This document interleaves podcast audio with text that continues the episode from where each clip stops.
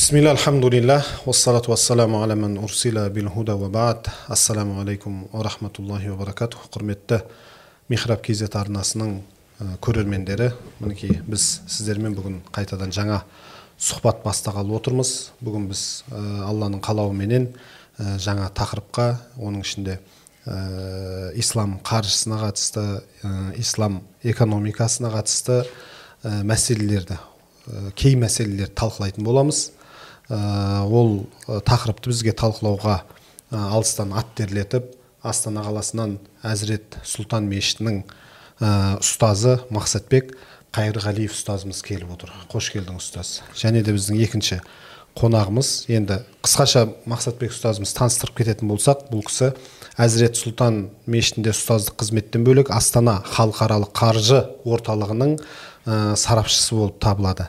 Енді екінші қонағымызға тоқталатын болсақ ә, батыр сиябек деген ағамыз. Монт және де ә, боташхом компаниясының негізін қалаушы. Қош келдіңіздер. Енді жалпы ә, подкаст алдын болғансыздар ғой бұндай жобада дұрыс па? Жалпы өздеріңізді емін еркін сезініп отыра беріңіздер. Ә, енді ұстаз өзіңізден бастайтын болсақ ә, жалпы ә, қасиетті ә, шариғатымызда бұл ә, саудаға қатысты сауда мәселесіне қатысты ә, жалпы не дейді? Сол жайында айтып баяндап берсеңіз. Кәсіп жасау. негізі пайғамбарымыз саллаллаху алейхи уассалам енді ә, адал кәсіп табу ә, парыз деп айтқан. Басқа парыздардан кейін ә, яғни талабул кәсбил халал фаридатун бадыл фарида. Ә, сондықтан бұл біз жаңағы намаз ораза зекеттен кейін осы парыздардың бірі осы адал кәсіп. Сондықтан әрбір мұсылман намазға келген жүрегінде иманы бар ешкімді алдамай арбамай тура жолмен жүрген адам осындай шынайы дұрыс кәсіп жасау керек. Шариғи талаптарға сай. Шариғи талаптарға сай ешкімнің ақысын жемей және ә, екінші нәрсе ә, осы кәсіптердің ішінен ең дұрысы қайсы деп сұраған кезде пайғамбарымыз саллаллаху сауданы айтқан. Сосын яғни адал сауда жасаған адам ол ақыретте пайғамбарлармен шыншыл адамдармен шахидтермен бір қатарда болады деген оның өзі осы адал сауда жасаудың қаншалықты маңызы бар екен және қаншалықты қиын екенін көрсетеді неге өйткені пайғамбарлардың ешқайсысы жеңіл жолмен пайғамбар болған жоқ әр әрқайсысы қаншама қиыншылық көрді шахидтер де солай әулиелер де солай. Сондықтан адал дұрыс сауда жасаудың өзі осындай үлкен адамның ә, толық берілуін кейде өзінің хақын құрбан қылып басқаның хақын жемеу үшін ә, үлкен жаңағы құрбаншылыққа баруды талап ететін нәрсе. Сондықтан оның бірақ берекесі де көп. Сонымен қатар жаңағы адамға қоятын талаптары шарттары да көп екен. Соның бәрін сақтаса адам жаңағы дәрежеде жетеді. Ал пайғамбарымыз саллаллаху өзі сауда жасаған. Саудада көп берекет бар екенін өзі көрген айтқан. Сондықтан ислам жаңа пайғамбарымыз саллаллаху осы дүниеден озғаннан кейін басқа жерге бас, барған кезде осы сауда керуендерімен барып олар сауда жасаған кезде адамдар сол мұсылмандардың шыншылдығын көріп адалдығын көріп сендер қалай ешкімді алдамайсыңдар? Тек қана өздерінің қара бастарының пайдасын ғана ойлау емес басқалардың пайдасын ойлайсыңдар садақа бересіңдер мына мұқтаж адамдарға да көмектесіп жүрсіңдер осы тапқан табыстарынан.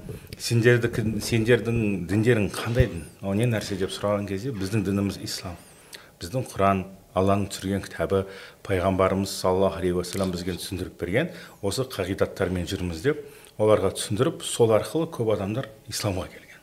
Сондықтан осы адал сауда жасаудың маңызы өте жоғары. Машалла баракалла. Алла разы болсын ұстаз. Ә, батыр аға мынау енді кәсіп жасау табыс табу барысында ә, қандай ә, дүниелерді ескеруіміз керек не нәрсеге мән беруіміз қажет? Уағалейкум ассалам рахматуллахи баракату шақырып осылай құрметтеп отырғандарыңызға алла разы болсын. Алла құрметтесін. ә, ең бірінші мен енді жүрген жерде айтып жүремін. Ә, осындай нелер келіңіз бір он он бес минутқа дейін кіре алмайсың темаға сосын сосын жайлап кіресің. Жүрген жерде айтып жүремін мен анау көп ә, намаз оқитын көп имамдармен араласамын да.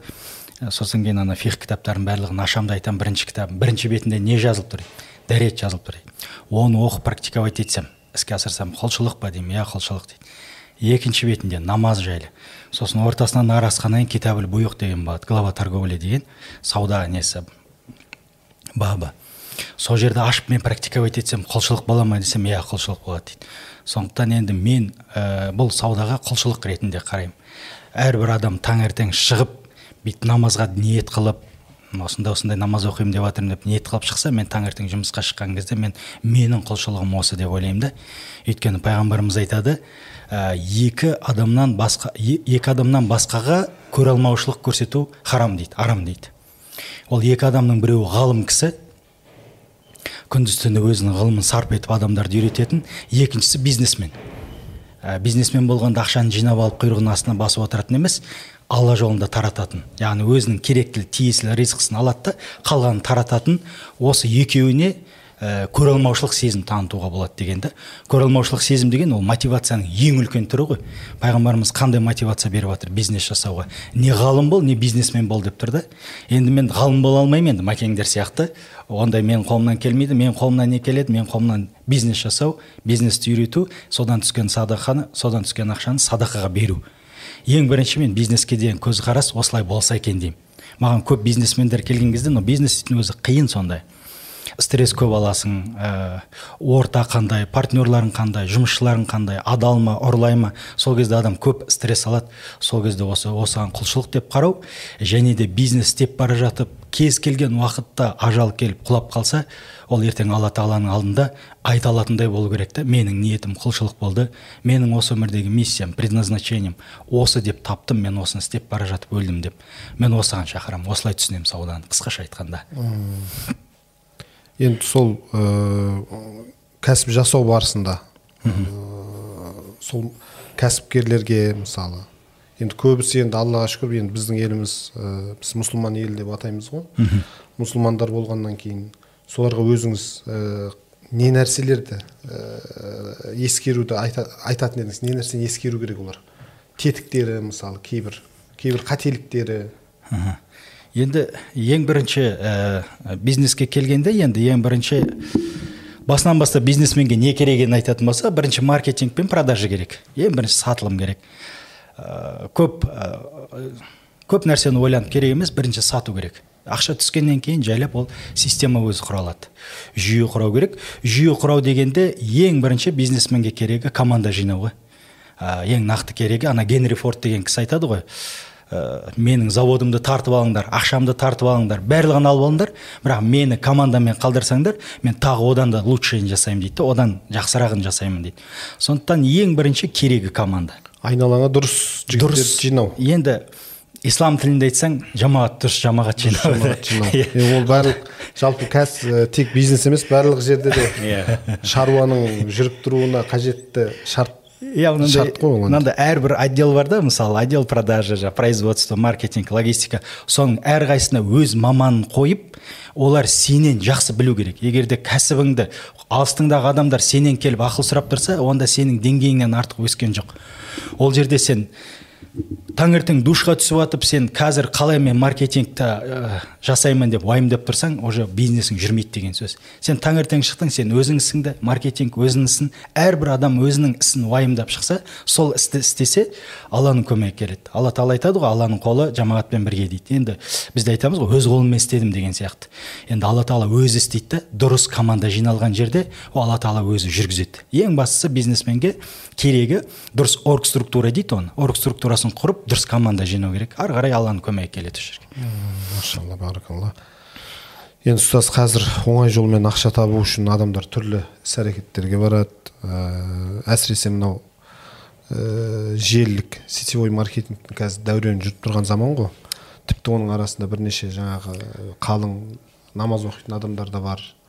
Ә, жалпы осы нәрсе қалай өзі желілік маркетинг біздің дәл біздің елімізде болып жатқан? ә, желілік маркетингке. Ә, асыл дініміз не дейді? Жалпы желілік маркетинг деген негізі басында дұрыс нәрсе болған.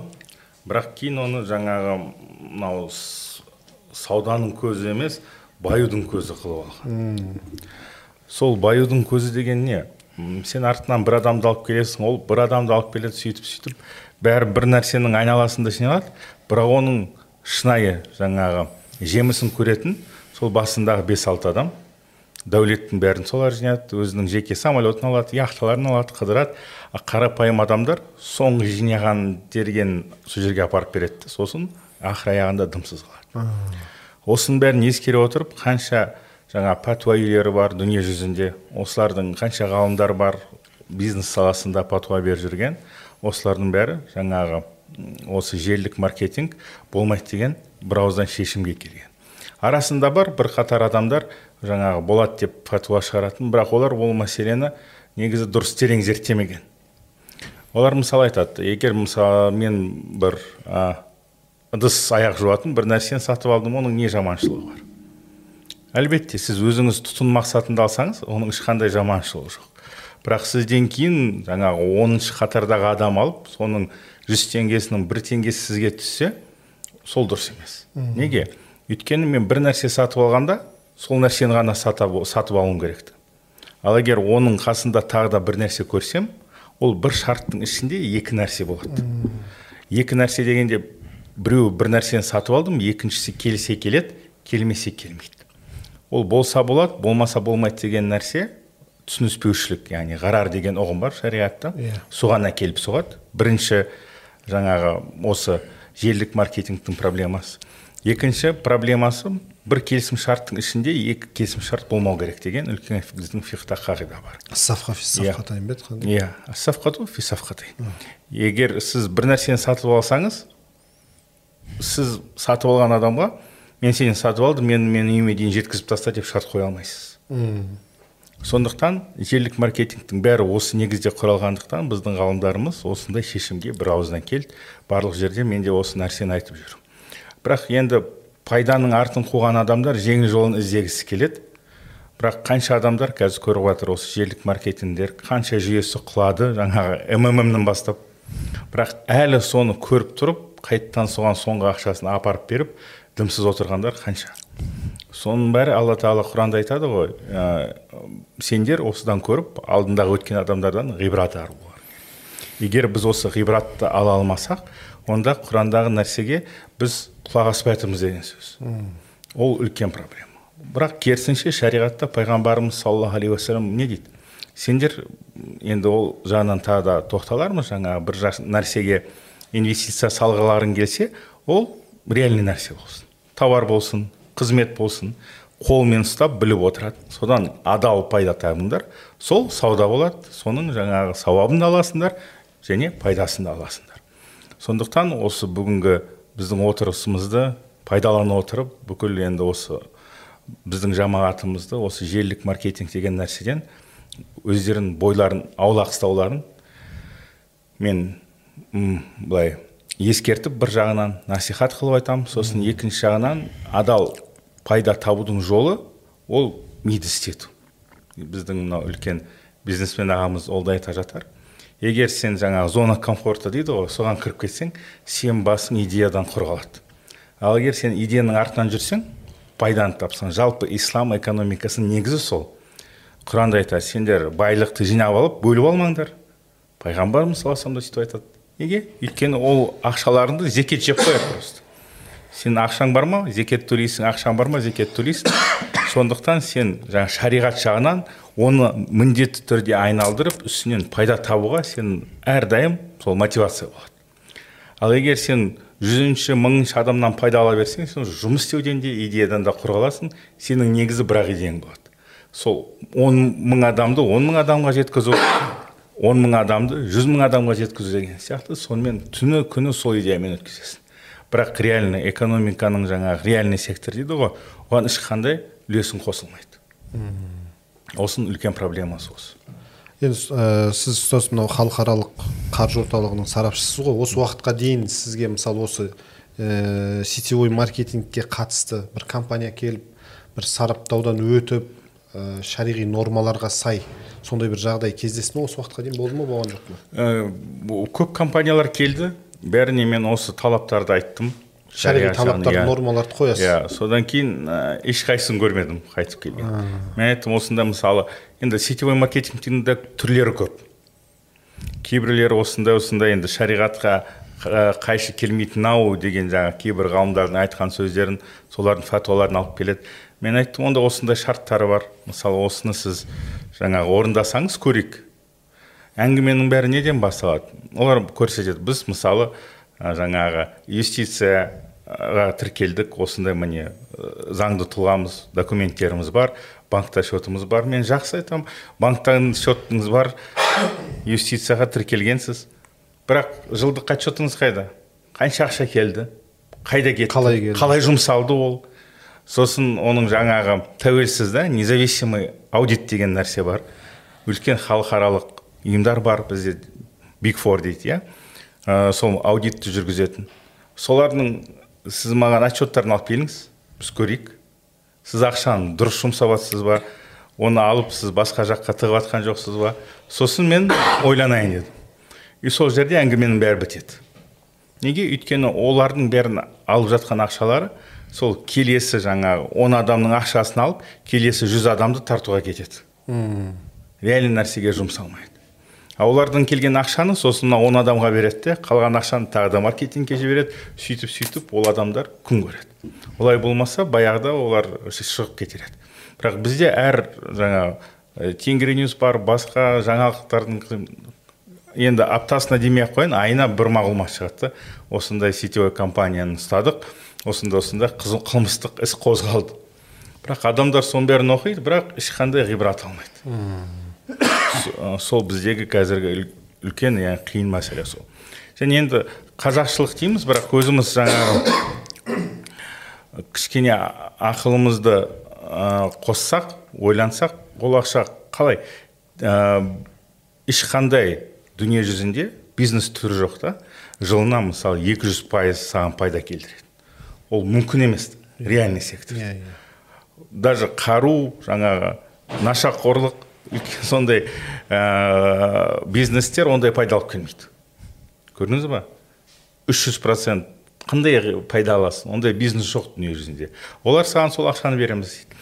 Қайдан алады? Сондай нәрседен алады. Біз биржаларда сауда жасап жатырмыз. Ол бәрі бос әңгіме. Қазір халықаралық жалпы биржалардың бәріне стагнация дейді иә? Бизнес жүрмей жатыр дүние жүзі бойынша. Ол жерде жаңағы сверхприбыль табу түгіл плюсқа шығу пайда табу мәселе болып тұр вопрос. Иә. Сондықтан оның бәрі бос әңгіме оның артынан ермей одан да сол ақшаны сақтап отырыңыздар. Жер алыңыз үй салыңыз дүкен салыңыз реальный нәрсеге жұмсаңыз. Алла разы болсын. Енді қазір осы қатты қарқынды дамып тұрған қандай маркетинг сіздің неңіз бойынша? Енді мына желілік маркетинг ең бірінші жаңағы адамға ең керек нәрсені соны береді. Бізде мысалы ол компью- ә, жаңа ә, косметика иә? Сосын үйдің керек жарақтары там. Немесе қазір ең үлкен жалпы проблема ол үй мәселесі болып тұр. Үй сатып алып береміз сен осынша ақша кіресің сосын отыз пайызын жинайсың там үш жылдың ішінде. Сен жинаған ақшаңа біз күн көреміз пока сен жинап боласың содан кейін біз сөйтеміз сосын ә, ақыр аяғында үйде жоқ жаңа отыз пайыз ақшада жоқ еш нәрседе жоқ. Қайтадан сол сот ә, жылап пысықтау сол ғана қалады. Бірақ алдындағы он адам алады енді. Олардың бәрі әдемі көрсетеді. Сол үйінде аман есен тұрып жатыр бәрі рахметтерін айтады. Бірақ кейінгілері ол жаңағы басында тұрғандар алады ғой. Иә басында тұрғандар. Аяғында келіп тіркелген соңында келіп тіркелгендердің ақысына да бірақ Иә. өздерінде ол жаңағы сетевой маркетинг дейміз сосын пирамидальная система ғой енді. Басындағылар алады. Бірақ аяғында қасірет шегетіндер олар жаңағы арифметический прогрессия дейді ғой. Одан жүз есе көп. Мың есе көп болып иә иә иә. Сол үлкен мәселе. Сондықтан ислам атын жамылса да ол жаңа сақалын қойып орамалын киіп мынау мына жерде бәрі халал біз жүз пайыз сізге ә, гарантия береміз деген нәрсеге сенбеу керек. Олар енді маркетингтің өзінің жолдары көп ағамыз айтып жатыр соның бірі сол да адамдарды сендіру. Бірақ оның ішіне кірсеңіз жаңағыдай шариғатқа ә, сай келетін бір талапты қойсаң соның өзінде жоқ болып кетеді. Иә иә. Тура келмей қалады иә? Тура келмей қалады енді мынау батыр аға осы мысалы осы деңгейге жету үшін талай жарға тасыңыз жаңа басыңыз соқтыңыз дұрыс па талай қиыншылықтардан өттіңіз талай кезеңдерден өттіңіз талай ыстық суық уақыттардан өттіңіз. Осындай бір маркетингке ұрынып бір опық жеген кезіңіз болды ма болмады ма? Жоқ менде өмірімде жақындамаппын маркетингке. Ондайға вообще жақындамаппын. Енді бізде анау біз өскен кезде ә, ойын ойнаған жоқпыз компьютерный далада өстік жерде өстік. Содан ритейл бизнес маған қатты ұнайды да. Осы жерде ашқан сондай бизнестер. Бірақ ол алланың құдіреті ғой. Кеше маған бір кісі келді. Кеше мен демалыс күні тауда демалып жатыр едім. Жаңағы нелеріммен. Срочно бір инвестормен сөйлесетін едім аға сізбен жеке разбор жасайын деп едім деді. Срочный деп жазып қоймай қойғаным барлық шәкірттерімді тастап жаңағы неге келдім? Офиске. Сөйтсем бір жап жас қыз. Осылай. Ә, атын айтпай ақ қояйын енді. Ә, мың адам жинаймын дейді. Ә, содан кейін ол адамдар кірген үшін он мың регистрация төлейді. И ай сайын отыз мың теңге төлеп тұрады. Мен кредитін жабамын дейді. Бес жүз мың мен миллионның арасында кредитін жауып беремін дейді олардың. Сол түскен ақшаға. Содан мен енді орта есеппен жеті жүз елу мың деп алдым. Окей дедім жеті жүз елу мыңға значит кредит жабасың. Содан мың адам аламын сосын тағы мың адам сосын тағы мың адам. Үш мың адам аламын он мың теңгеден отыз миллион теңге шығып тұр. И ай сайын отыз мың теңге төлейді деп осылай келіп тұр алдыма. Жақсылап тыңдадым да сосын айттым. Мынауыңыз дұрыс емес дедім. Қалай дейді? О пайда түседі ғой дейді. Мен мынау отыз миллионды алып еще бөлек саудаға салып қойғысы келіп тұр да. Ә, саудаға салып и одан түскен ақшаны мен беремін. Басында олардың ақшасын беремін кейін өзімнің ақшамнан беремін дейді. Содан кейін мен түсіндіріп айттым кішкене тақтаға сызып ә, жаңағындай финансовый деген доход расход деген болады да. То есть доход деген сізге келген ақша расход деген сізден шығатын ақша. Одан шығатын ақшасы анау үш мың адамға жеті жүз елу мың теңге среднем. А доходы оның әрбір адамнан көп болса бір екі жүз мыңнан алайын деп тұр. Сіз 200 мыңнан алып 750 мыңнан қалай берейін деп тұрсыз? Доход расход дұрыс емес сіздікі. Деп оны әбден дәлелдедім содан барып көрді. Содан кейін бағанағындай сіз айтқандай анау отыз миллион теңгені бишкектен бір зат тасимын дейді. Сол жерде мен 500 миллион шығарамын дейді. Сонымен жабамын дейді. Мен айтамын ол қандай сауда? 500 миллион шығарайын деп тұрған. Отыз миллион салып бес жүз миллион мен салайыншы дедім отыз миллион сол жерге. 500 миллион екі жылда шығарып берсеңіз мен ақ сізге салып қасыңа қосып ал дедіңіз ғой. Маған 500 миллион бермей ақ қой мен сізге отыз миллион берейін. Екі жылдан кейін маған алпыс миллион қылып беріңізші деймін да мен сізге саламын отыз миллион өзім. Неге ақшаны өйтіп қымбатқа алып жатырсыз? Просто сіз ана басындағы түсетін 30 миллионға қызығып халықты тартып алайын деп тұрсыз. Сосын алдында да бір жерде интервью бергенде де мен айттым да бұл жерде халықтың да кінәсі бар да. Неге бүйтіп волшебный палочка іздейді да ә, құйрығыңды көтер еңбек ет дегенді жақтырмайды ондай әңгімені. Мен қазір мысалы бизнес жүйелеп жатырмын мен соны айтсам құйрығыңды көтер отыр мынаны қара отчетыңды мынаны істе десең істегісі келмейді. Маған андай үйренгісі келіп келеді да маған сиқырлы таяқша бүйтіп жібер менің расходым көтеріліп кетсін ана анау мынау көтеріліп кетсін. Халық сондайды сұрағаннан кейін и бұндай алаяқтар грамотно пайдаланады да соны қайта қайта. Ал егер де халық грамотный болса сиқырлы таяқ емес мен еңбек етемін десе бұлардікі ашылып қалады уже. Бір көзқараспен ашық тұрған зат қой. Ұрынған жоқпыз и өзім де көп араласқан жоқпын. Вообще ондай келмеген осы күні кеше келіп кетті бір қыз. Ананы көріп шошып кетті мен ананы мен айттым сен дейтін мынау алдыңғы бір үш төрт адамға бересің да сосын қашасың дедім сен. Болды мына жерде сен никак істей алмайсың дедім мынаны. Кетті. Бірақ істейтін сияқты ана қыз мені тыңдамады. Ол да келеді ғой сетевойға иә? Иә иә. Ол негізі ол адамдар жаңағы не ғой енді коридор. Басқа ешнәрсе көрмейді.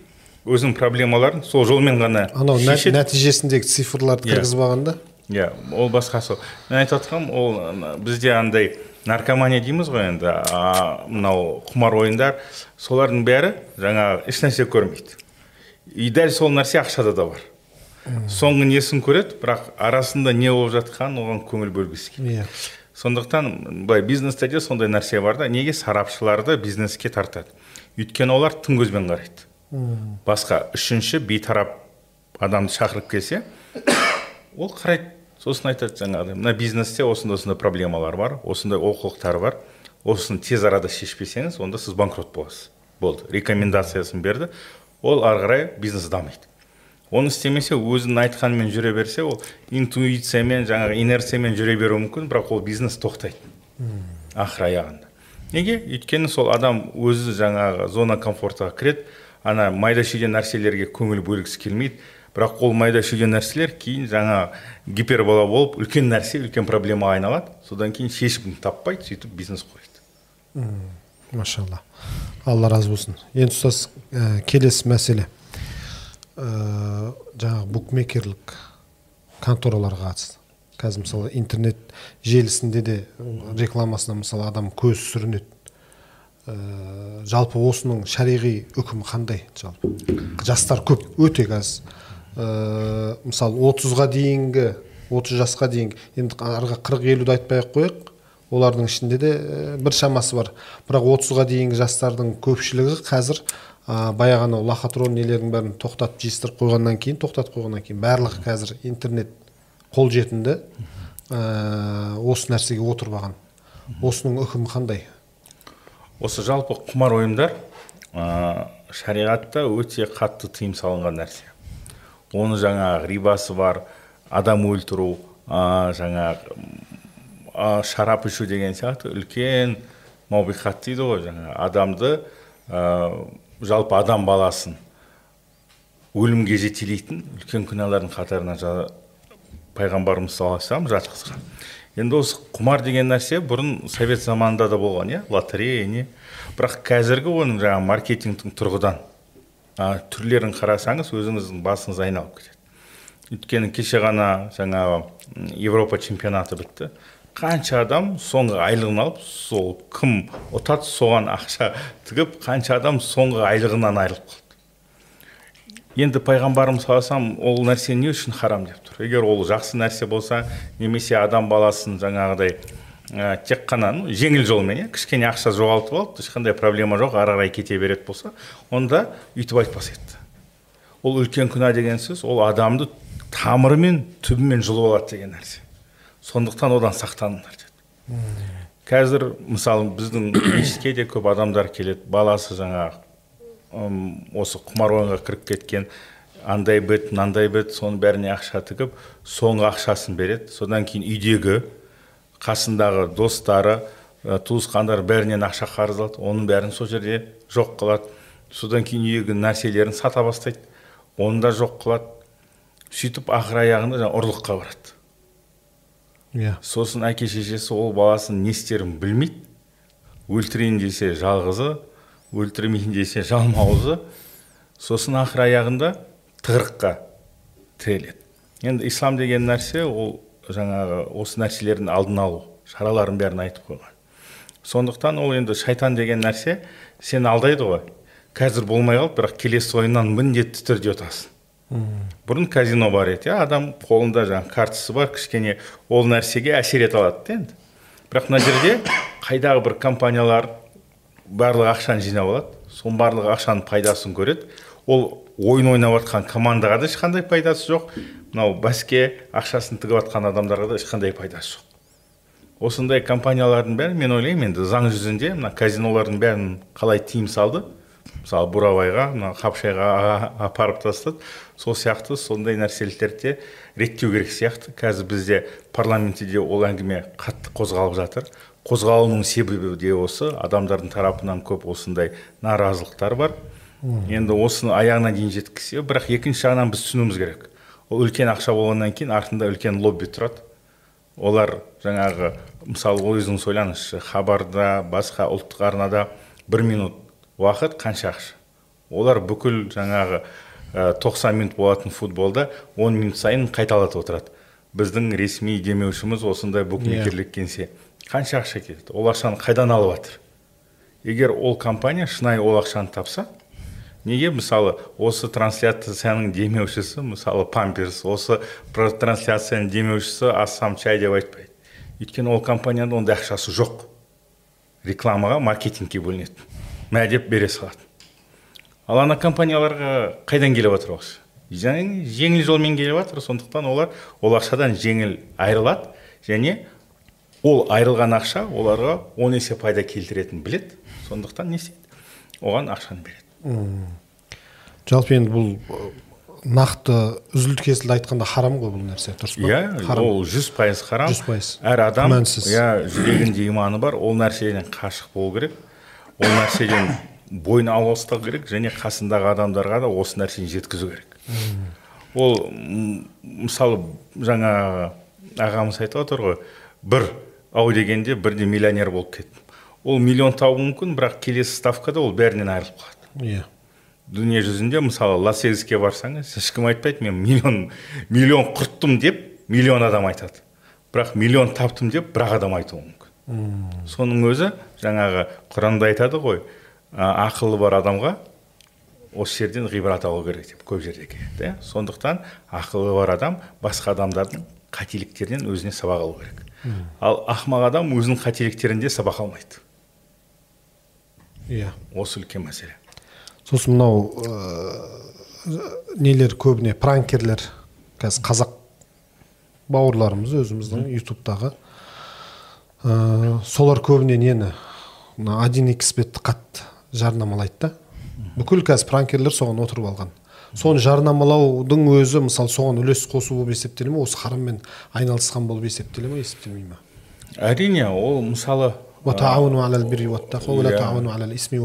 бабында әлбетте жалпы мысалы бір күнәні айтайын иә мен пайғамбарымыз саллаллаху айтады осы риба иә жаңа өсімқорлық пайызды жеген адамдар олар алған адам да берген адам да оның күнәсі өздерінде бірақ ол жерде оны жазған адам ол жерде куә болған адам қандай да бір сол жаңағы қарыз алып берудің осы келісім шартына септігін тигізген қандай да бар адам ол да сондай күнә алады деген. Көрдіңіз ба? Беріп жатқан адам күнәсі түсінікті. Алған адамның күнәсі түсінікті. Ананың не күнәсі бар дейміз? Yeah. ол какой то нотариус ана жақта отыр да ешқандай проблемасы жоқ. оның ешқандай проблемасы жоқ деп ойлаймыз. Бірақ оған септігін тигізіп жатқан болғаннан кейін онда не істейді? Ол адамның күнәсі болады. Бізде мысалы айтады. Қазір терроризм деген нәрсе бар иә? Мысалы біреу біреуді жарады. Бірақ сен егер сол жарған адамның фейсбукта инстаграмда соған лайк қойсаң сені де түрмеге отырғызады сен ол жерде айқайлап жатқан жоқсың. Осы терроризм деген нәрсе дұрыс. Просто лайк қойдың ұнап қалды саған. Просто дизайн ұнады сол картинка. Бірақ сені алады да түрмеге отырғызады неге? Өйткені сен соның дамуына септігін тигізіп жатрсың көрдіңіз ба?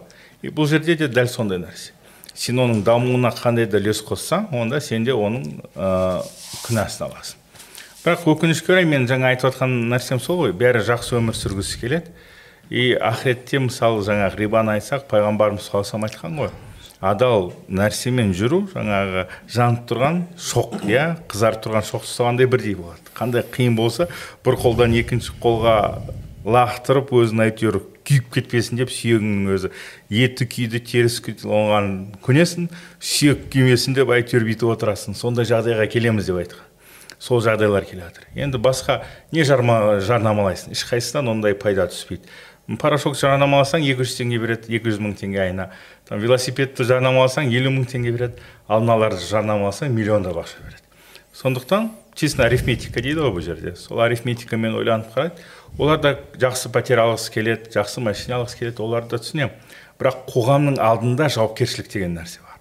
Өзіңнің келер ұрпағыңның алдында. Қазір бізден кейін бәрі қырып кетсін жоқ болып кетсін деген жалпы философия қазақта болмаған. Өйткені біздің ата бабаларымыз жаңағы жоңғары бар басқалармен не үшін төбелескен қырылысқан? Осы жер біздің ұрпақтарымызға қалсын. Біз үшін бізге yeah. қалсын деді. Егер біздің ұрпақтарымыз нашақор алқаш жаңағы құмар ойын ойнайтын ұрпақ болса оларға сол кезде сол жерді жоңғарларға бере салатын еді. түсіндіңіз ба? Олар не үшін ұрпақ деді? Осы ұрпақтар салихалы болады. Осы біздің жаңа қазақи дәстүрімізді жалғастырады. Ата бабаның жаңа жолын қуады деп. Сондай мақсатпен олар соғысты осы жерді алып қалды. Бірақ біз қазір осы нәрсені істеп өзіміздің елдігімізден айырылып қалу қаупіміз де бар. Ұлт ретінде жойылып кету қаупіміз бар. Сондықтан осы нәрседен өте қатты сақтануымыз керек. Алла разы болсын ұстаз. Енді ә, батеке мынау жастардың қазіргі таңда осы мынау букмекерлік ойындарға қатты әуес болуына не нәрсе ә, түрткі? Олардың бос жаңағы уақытының бос уақытының көп көптігі ма әлде ақшаларының көптігі ма? Жұмыссыздығы ма әлде ақшаларының көптігі ма? Не себеп деп ойлайсыз мен арнайы бұны бір зерттеп қарамаппын енді өзімнің бірақ ой тұжырымымды айтайын. Ә, ең бірінші бағанада айтып кеттім ғой адам ә, кішкене еңбектенуге қиын да негізі еңбектену. Негізі бизнес жасау еңбектену өте қиын негізі. Ә, барлығы ойлайды бір жеңіл ақша келетін жол болса ғой дейді да еңбектенбей. И сол жерден ә, үлкен рискқа барады жаңағындай. Ақыр соңында үйін тігіп бәрін тігіп ә, бәрінен айырылып қалып жатады. Сол жерден де жаңа мәке бауырымыз айтып жатыр ғой мақса не ибрат алу керек. Ә, көп ибрат алмайды. Сосын жаңағы жеңіл ақшаға ә, құмартады деп ойлаймын. Негізінде қазір бизнесмендерді ә, көбінесе мына бизнесті дұрыс бизнес жасау үшін бірінші очередь ақшаны ойламау керек та.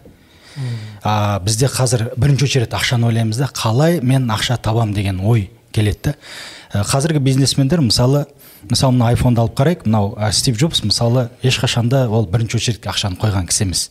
Ол білет егер де мынаны ыңғайлы етіп жасаса ақша ол побочный эффект.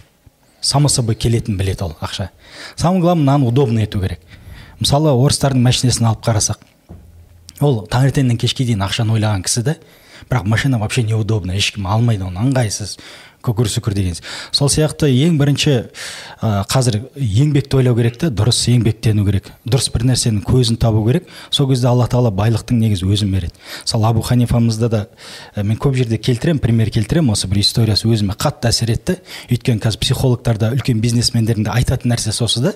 Мен үңіліп қарасам сол біздің просто абу ханифа бір өзінің историясымен көрсетіп кеткен нәрсе екен да. Бір сабақ өтіп отырған кезде бір хабар келіп жетеді да. Сонда ә, абу ханифа біздің мазхабымыздың имамы альхамдулилля деп айтады екен да содан кейін ары қарай сабағын жүргізе береді. Ешқандай өзгеріс болмағандай сабағын жүргізе береді. Сосын бір уақыттан кейін тағы келіп тағы хабар жеткізеді. Сол жерде де айтады дейді альхамдулилля деп. Сосын сабақ өтіп болғаннан кейін сұраған ғой шәкірттері не болды деп. Сонда ол кісі негізі бизнеспен айналысқан өте үлкен бизнесмен болған. Ол кісі өзінің шәкірттеріне стипендия беріп отырған кісі. Ә, ол қазіргі жүйе ғой біздің. Ол кісі өзі соны істеп отырған. Сол кезде айтады менің бір ә, корабль нем товарым келе жатып суда аударылып қалды деп деген хабар жетті дейді. Енді ол оңай емес. Қазір как бизнесмен менің қазір бір вагон товарым өртеніп кетсе менің бүкіл прибылім сол жерде жатыр. Қалған мына жақтағының бәрі менің ә, кредиторларымның анауымның инвесторым ақшасы болуы мүмкін. Таза прибыль мына жақ. Мен мына жақта қанша адамға уәде беріп қойдым келе жатыр деп. Предоплата алып қойдым. Ол, үлкен зат ол негізі. Жүрекке әсер ететін зат. Корабль бас, батып кетті деген кезде жүрегіме қарадым дейді да. Е жүрегімде уайым қайғы жоқ дейді. Соған альхамдулилля деп айттым дейді.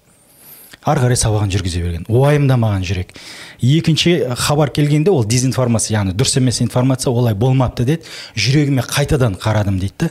Сөйтсем жүрегім қуанған жоқ дейді. Соны көріп альхамдулилля дедім. Вот осы затты тәрбиелесе қазір жастар ә, осы затты не только жастар үлкен бизнесмендерді барлығы анау заезженный ғой сөз ә, ақша жүрегіңде болмасын қолыңда болсын деген. Негізі ол үлкен тема. Осы затты ақшаны жүректен шығарса анау ақша алғанша сенің артыңнан қуалап қоймайды. Кетпейді анау сенің артыңнан жүректен шығарып тастасаң. Ал біз жүрекке кіргізіп аламыз да таңертең кешке дейін қалай тез ақша табамын қалай үлкен ақша табамын қалай бүйтемін деген адам қателесе береді уже. Көрінбейді ештеме. Қателесе береді қателесе береді и самое главное осы жерде деп ойлаймын. Иә. Жалпы негізі ризық мәселесі ғой енді ұстаз дұрыс па? Ризық мәселесі. Бұл жалпы негізі мұсылманның ұстанымы ғой. Аллах тағаланың ризық беруші екендігіне сену иман келтіру және де біздің әрбіріміздің ризығымыз анамыздың құрсағында жатқан кезде өлшеніп белгіленіп қойғандығы. Біздің негізгі бізден шариғат не нәрсені талап етеді ұстаз? Осы неде? Ризық мәселесінде. Ә, жалпы ризық қандай жолмен келеді және қандай жолға барады? Осыны қадағалауымыз керек. А бірақ оның көп аз мөлшері ол жазылып қойған нәрсе ғой дұрыс па? Иә әлбетте. Ол жазылып қойған нәрсе сосын біз енді жал, жалпы біз негізі өміріміз біздікі емес. Иә мәңгі осы жерде қалатын болсақ онда пайғамбарлар да алейхимассалам осы дүниеде қалар еді. Қанша қасындағы сахабалар да қалар еді. Біздің баратын соңғы нүктеміз ол ақырет иә yeah. соны ойлауымыз керек мен әрдайым айтамын енді уағыздарда да. Мысалы сіз астанадан алматыға келе жатырсыз пойызбен енді шудан түсіп не аласыз? Қарбыз аласыз қауын аласыз. Сосын ары кете бересіз. сіз судан түсіп алып мен мына жерге үй саламын коттедж саламын жұмыс істеймін деп айтпайсыз ғой. Неге? Өйткені ол уақытша тұрақ. Сол сияқты дүние ол біздің уақытша тұрағымыз. Біз түнде жатқанда таңертең оянбаймыз ба деп ойлануымыз керек. Таңертең оянғанда кешке жете алмаймыз ба деп ойлануымыз керек.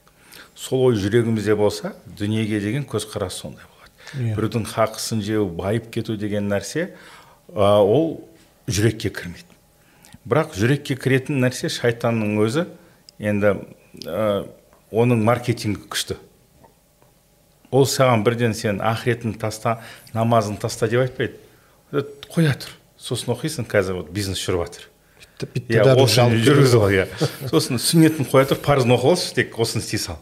Сөйтіп ақырын ақырын өзің жүре бересің. Бірақ алла тағала не деген? Бірінші намазды қойған иә. Аузубиллахи егер бәрін қойыңдар намазға жүгіріңдер енді намазға оқып болдыңдар ма сразу оны біткеннен кейін не алланың берген нәрсесін іздеңдер дейді мешітте отыра берсеңдер ол өзі келеді деген жоқ барып іздеңдер табыңдар деп тұр да осыдан үлкен мотивация жоқ бізге сондықтан ризық бізге бөлінді. Бірақ оны іздеу деген нәрсе алла тағала бізге жүктеп қойды. Сондықтан біз барлық аспаптарын жасауымыз керек сосын тәуекел етуіміз керек. Ал біз аспаптарын жасамай тәуекел алсақ ол да болмайды. Аспаптарын жасап тәуекел етпесек ол да болмайды. Сол екі нәрсе қатар жүру керек. Сол жаңағы исламның жаңағы успешный человек дейді ғой енді сол концепциясы сол негізі. Сен барлық аспаптарын жаса содан кейін алла тағала сол ризықты береді. Бірақ егер көп бермесе значит сол көп ризыққа саған ешқандай хайыр жоқ. Қанша адам бай болып бұзылып кетті. Иә. Yeah. керісінше қанша адам кедей болып олар да бұзылып кетті. Соларға ақшаны бер мыналарға ақша берген жоқ. Өзіне көретін ризқы күнделікті ақшасы бар жетеді. Соған шүкір қылу керек. Ал кейбір адамдар бар олар тырмысып барлық несін істеп күн түні жаңағыдай ақшаның артынан барады. Бірақ таппайды ал кейбір адамдар бар енді құдай берген дейді ғой. В нужном месте в нужное время оказался дейді. Керек орында керек кезде пайда болды. Ойланды мен кеше мысалы айтып жатырмын. Ә, маска он теңге қазір иә? Біз қазір тұтып жатқан. Мына былтыр бір жыл бұрын 200 теңге болған. Сол 200 теңге болған алдында бір контейнер маска келген адам қанша тапты? И қазір бір контейнер алып келген адам қанша пайда тауып жатыр? Он теңгеден сатып алса оның да пайдасы бар деген сөз ғой бір теңге болса да. Иә. Бірақ алла тағала жаңағы кісінің контейнері бір жыл бұрын келгенін жазып қойды да и сол жаңағы сверхприбыль тапты. Оның пешенесіне жазылып қойған нәрсе сол ал тағы бір адам мысалы алып келді қазір уже ол актуальность жоқ ол минимальный прибыльмен хотя бы нольге шығу үшін әрекет жасап жатыр сондықтан аллаға тәуекелшілік деген нәрсе енді қазақ бас аман болсын дейді ғой сол бас аман болсын ризық жазылған. Негізі біздің ата бабаларымыздың кәсібі мал бағу. Ол үлкен тәуекелшілдік. Сауда жасайтын адамдар тауарын үйіне тыға салады ешкім алмайды ертеңіне апарып сатады қайтадан тұрады. Ал мына сыртта қасқырың бар жаңағы бұршақ жауды кеше бізде қыста боран болады мұз болып қатып қалады шөп. Осындай акторлар өте көп та. Малдың қырылып кетуіне сондықтан адамда тәуекел пайда болады. Сол тәуекелдің арқасында олар білет, бүгін мал бар ерте жоқ дүние деген жаңа өзіңіз білесіз иә қазақтың енді рифмасы бар ғой. Сондықтан біз дүниеге солай қарауымыз керек. Алла разы болсын ұстаз. Енді жаңа мәселе әл мәселесі. Жалпы қасиетті шариғатымызда ә, бөліп төлеп зат алуға қарсы емес қой енді шариғатымыз. А бірақ енді біздің еліміздегі қазіргі бөліп төлеп мынау қолданатын құралдар жаңағы каспи рет болсын ә, магазині болсын жаңа каспи магазин және та, пайда деген нәрсе шығып жатыр. Сол нәрселермен со, солар арқылы ә, бөліп төлеуге зат алудың үкімі қалай болады? Сол жердегі рассрочка мәселесі. Ә, дұрыс па? Қасиетті шариғатымызға шариғи талапқа нормаға сай ма сай емес па?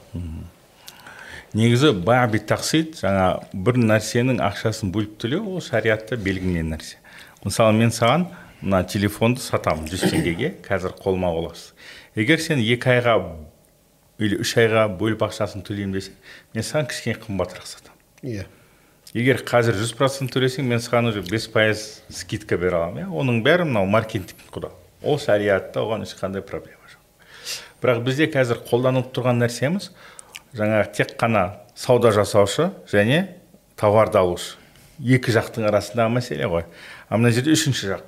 Банк немесе қандай да бір мына кредит беретін ұйым араласады. Сол үлкен проблема сол. А, бізде адамдар айтады ешқандай оның айырмашылығы жоқ қой мысалы мен кез келген дүкеннен балып мына кір жуатын машинаны қараймын. Бағасы жүз мың теңге. Қандай банк арқылы алсам да ол да жүз мың теңге болады. Ешқандай процент жоқ дейді да пайыз. Мен ала берейінші. Мен айттым онда сен келісім шартты оқы. Саған банк сатып жатыр ма? Дүкен сатып жатыр ма? Дүкен сатып жатыр енді ақшаны қайдан алып жатсың банкке барады банктен кредит алады. Көрдіңіз ба?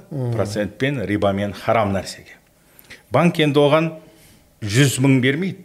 95 мың береді да үстінен 5 мың үстемесі бар. Немесе жүз мың береді жүз мың мысалы үш ай ішінде қайтармасаң үш айдан кейін сен жүз елу мың қайтарасың. Оны бірақ кішкентай шрифтпен жазып қояды.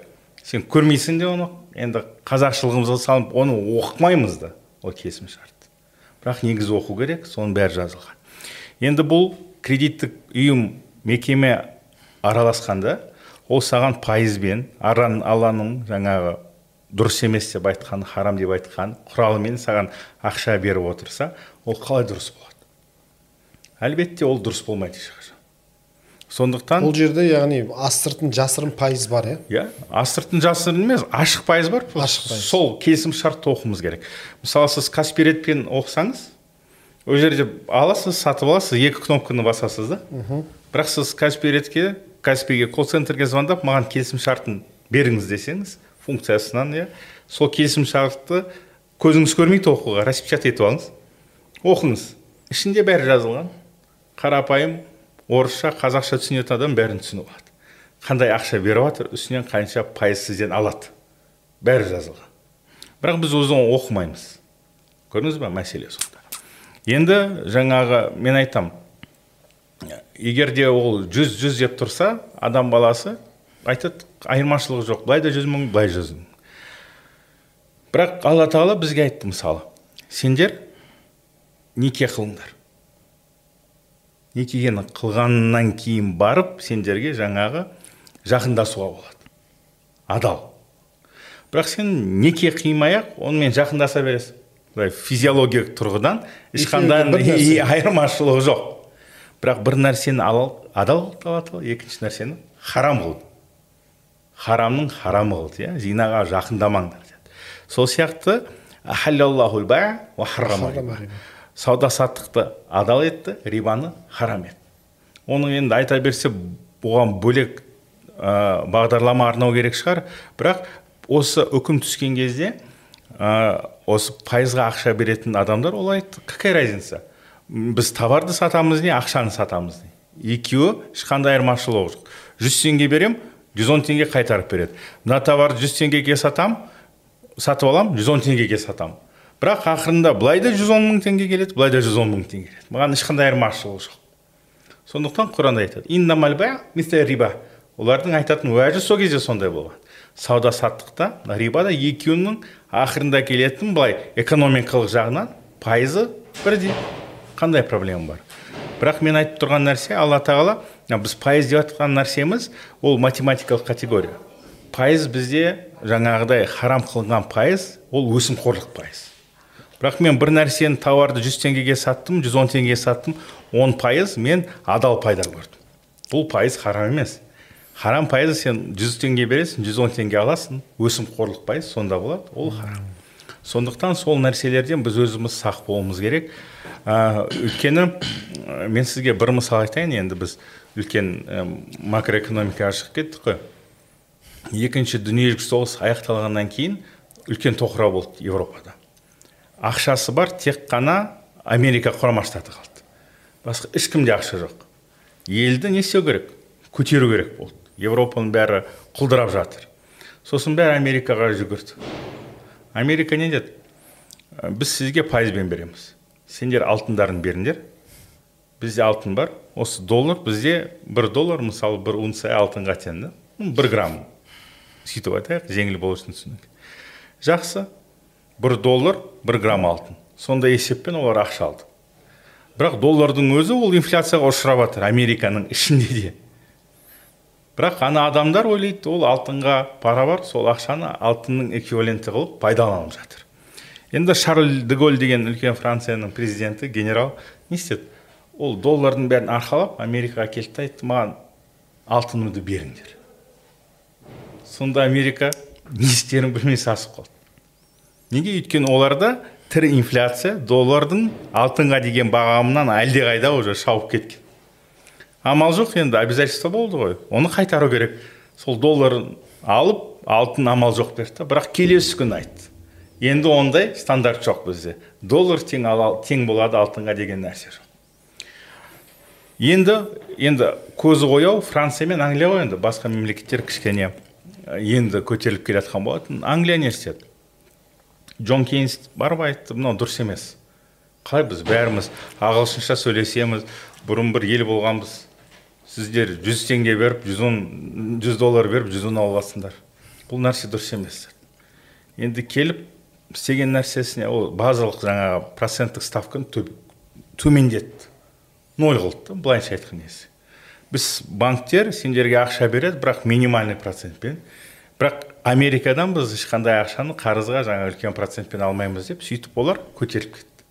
Қазір көрдіңіз ғой фунт стерлинг деген нәрсе евромен бірдей жүреді. Әлі ұстап тұр. Бір кішкентай мемлекеттің мұнайы да жоқ бейшара алтыны да жоқ ураны да жоқ бір елдің фунт стерлингі бүкіл дүниеде істеп тұр. Сондықтан жаңағы ақылы бар адамдар олар ойлану керек. Ол пайыз деген нәрсе ақша жалпы ә, табиғаты бір нәрсені сен сол нәрсеге плюс үстіне пайызға алмастырсаң онда экономиканың мына реальный секторында ешқандай өсу болмайды. Өйткені ақша ол тек қана не дейді енді бағамның эквиваленті. Бәрі келісілген да. Бұрын бізде қой болатын иә. Мысалы бірдеңкені бірдеңке ауыстырсаң там матаға күрішке ұнға бәрі осынша қой бересің осынша қой бересің осынша қой бересің. А қазір ол қойдың орнына доллар мысалы иә? Теңге. Ол тек қана не? Осы бастық басқа нәрселердің бәрін келіскен бағам осы. Ертең ол кетіп қалуы мүмкін. Басқа мысалы біз рубльмен жүрдік сонымен сосын бір күнде теңге болды да қалды. Доллар керегі рубль керегі жоқ. Мен есімде сіздердің де естеріңізде болар. Біз ауылда адамдар ауылға келді. Мынандай сумка рубльдары бар. Әр адамға сонда 500 ақ теңге ауыстыруға болады. Шопандарда ауылдарда ешкімге ақша жоқ қой. Сол рубльді ауыстырып маған теңге қылып беріңдерші деп қаладан бизнесмендер келіп жалынды. Кәдімгідей жалынды. Көрдіңіз ба? Сондықтан бір күнде ақша ауысып кетсе сенің ақшаң бәрі қағаз болып қалады. Сондықтан біз қазір ойлануымыз керек. Егер алла тағала мына нәрсені харам болса оның артында не жатыр? Бізге жақсы нәрсені алла тағала харам қылмайды ғой. Бізге пайдасы бар.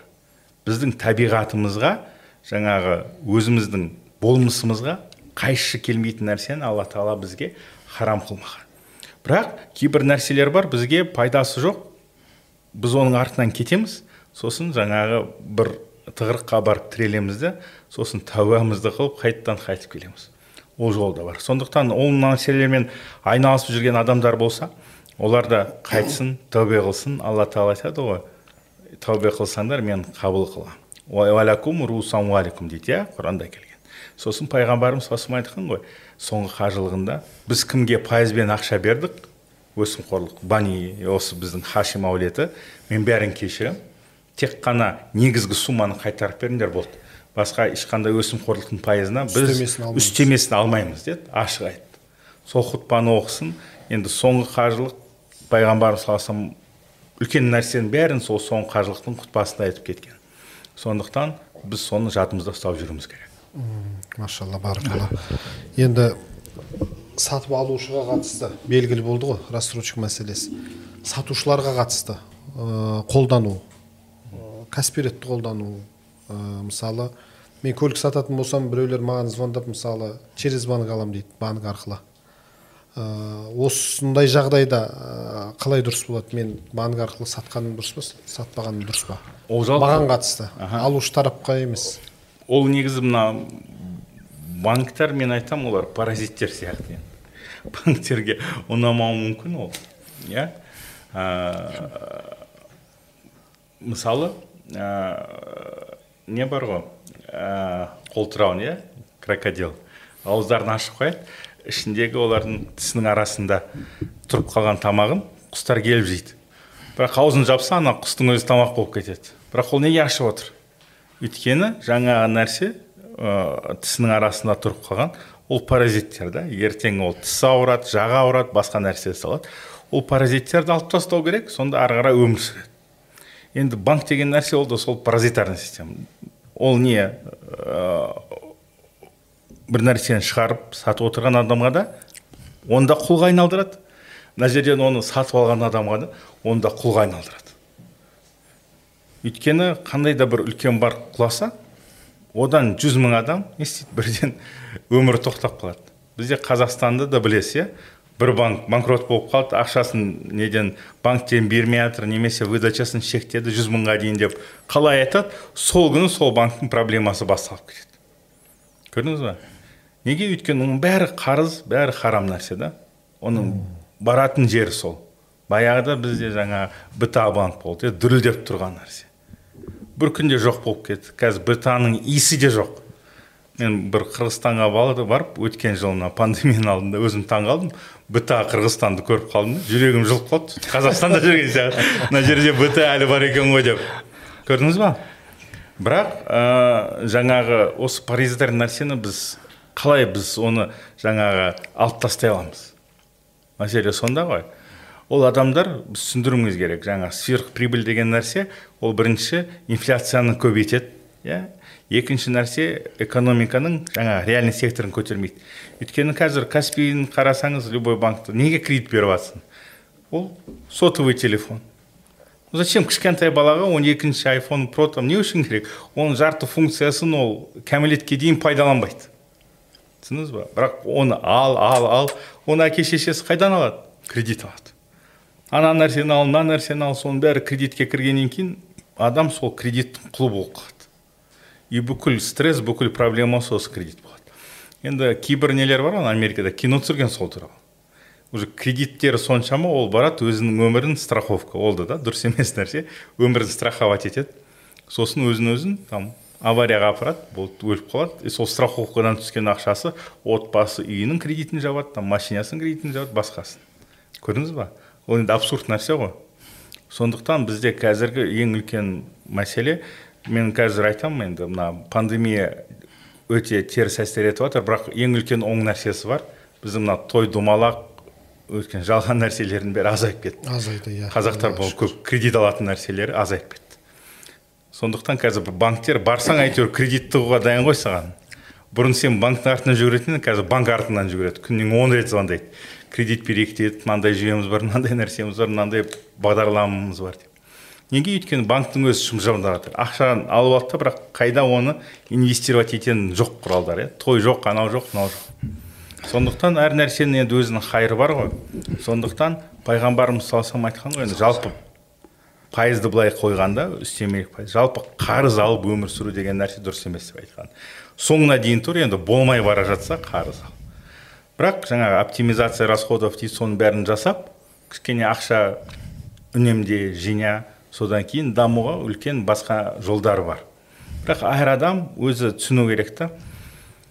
Егер де біз бұл дүниеде мақсатымыз баю болса онда неге біз бәрін қойып баймаймыз онда арақ сатайық. Иә? Иә. Басқа нәрсе жасайық. Заңда жаңағы ә, бізде дұрыс емес қой нашақорлық. Ну нашақорлық қай жерде рұқсат етілген голландияға барайық. Сол жерде нашақорлықпен айналысайық. Сатайық сол героинді там марихуананы. Неғып өзіміз шектейміз. Дұрыс па? Өйткені ішімізде алла тағала салып қойған иманымыздың арқасында дұрыс и дұрыс емес деген нәрсені табудың шекарасы бар. Сондықтан оны біз не істеп өте алмаймыз да. Бірақ мына именно пайызға келгенде оны аттап жүгіре береміз. Сондықтан оны біз ойлануымыз керек. Енді біз психологиясы ғой құлдық сана дейді ғой. Қанша жыл енді үлкен ғалымдарымыз кетті сопыларымыз кетті біздің зиялы қауым өкілдері кетті.